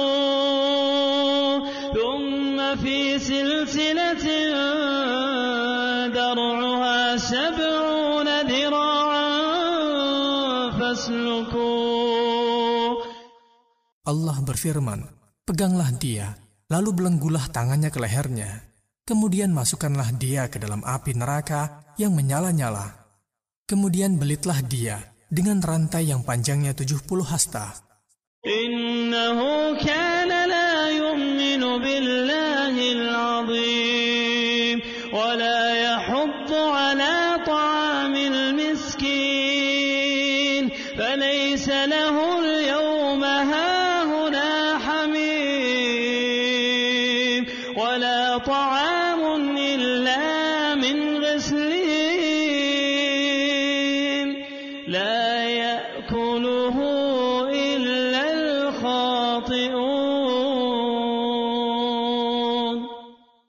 Sesungguhnya dia dahulu tidak beriman kepada Allah yang Maha Besar. Dan juga dia tidak mendorong orang lain untuk memberi makan orang miskin. Maka tiada seorang teman pun baginya pada hari ini di sini. Dan tiada pula makanan sedikit pun baginya, kecuali dari darah dan nanah. Tidak ada yang memakannya, kecuali orang-orang yang berdosa. أقسم بما تبصرون وما لا تبصرون إنه لقول رسول كريم وما هو بقول شاعر قليلا ما تؤمنون Maka aku bersumpah dengan apa yang kamu lihat, dan dengan apa yang tidak kamu lihat. Sesungguhnya Al-Quran itu adalah benar-benar wahyu Allah yang diturunkan kepada Rasul yang mulia. Dan Al-Quran itu bukanlah perkataan seorang penyair, sedikit sekali kamu beriman kepadanya.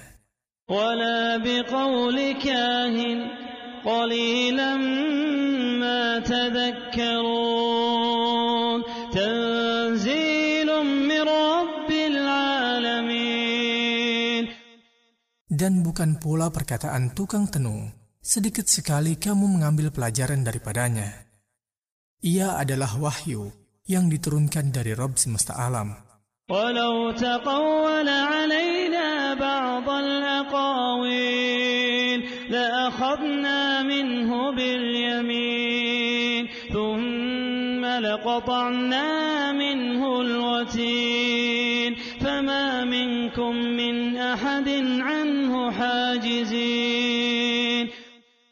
Seandainya dia, Muhammad, mengada-adakan sebagian perkataan atas nama kami, niscaya benar-benar kami pegang dia pada tangan kanannya.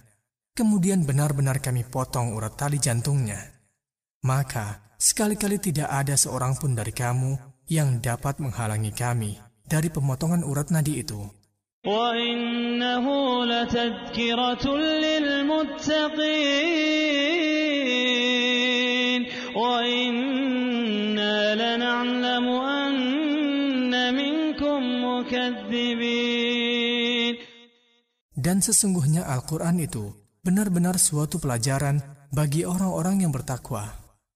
Dan sesungguhnya kami benar-benar mengetahui bahwa di antara kamu ada orang yang mendustakannya. وإنه لحسرة على الكافرين وإنه لحسرة على الكافرين وإنه لحق اليقين فسبح باسم ربك العظيم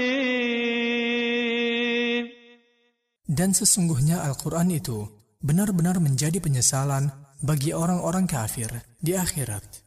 Dan sesungguhnya Al-Quran itu benar-benar kebenaran yang diyakini.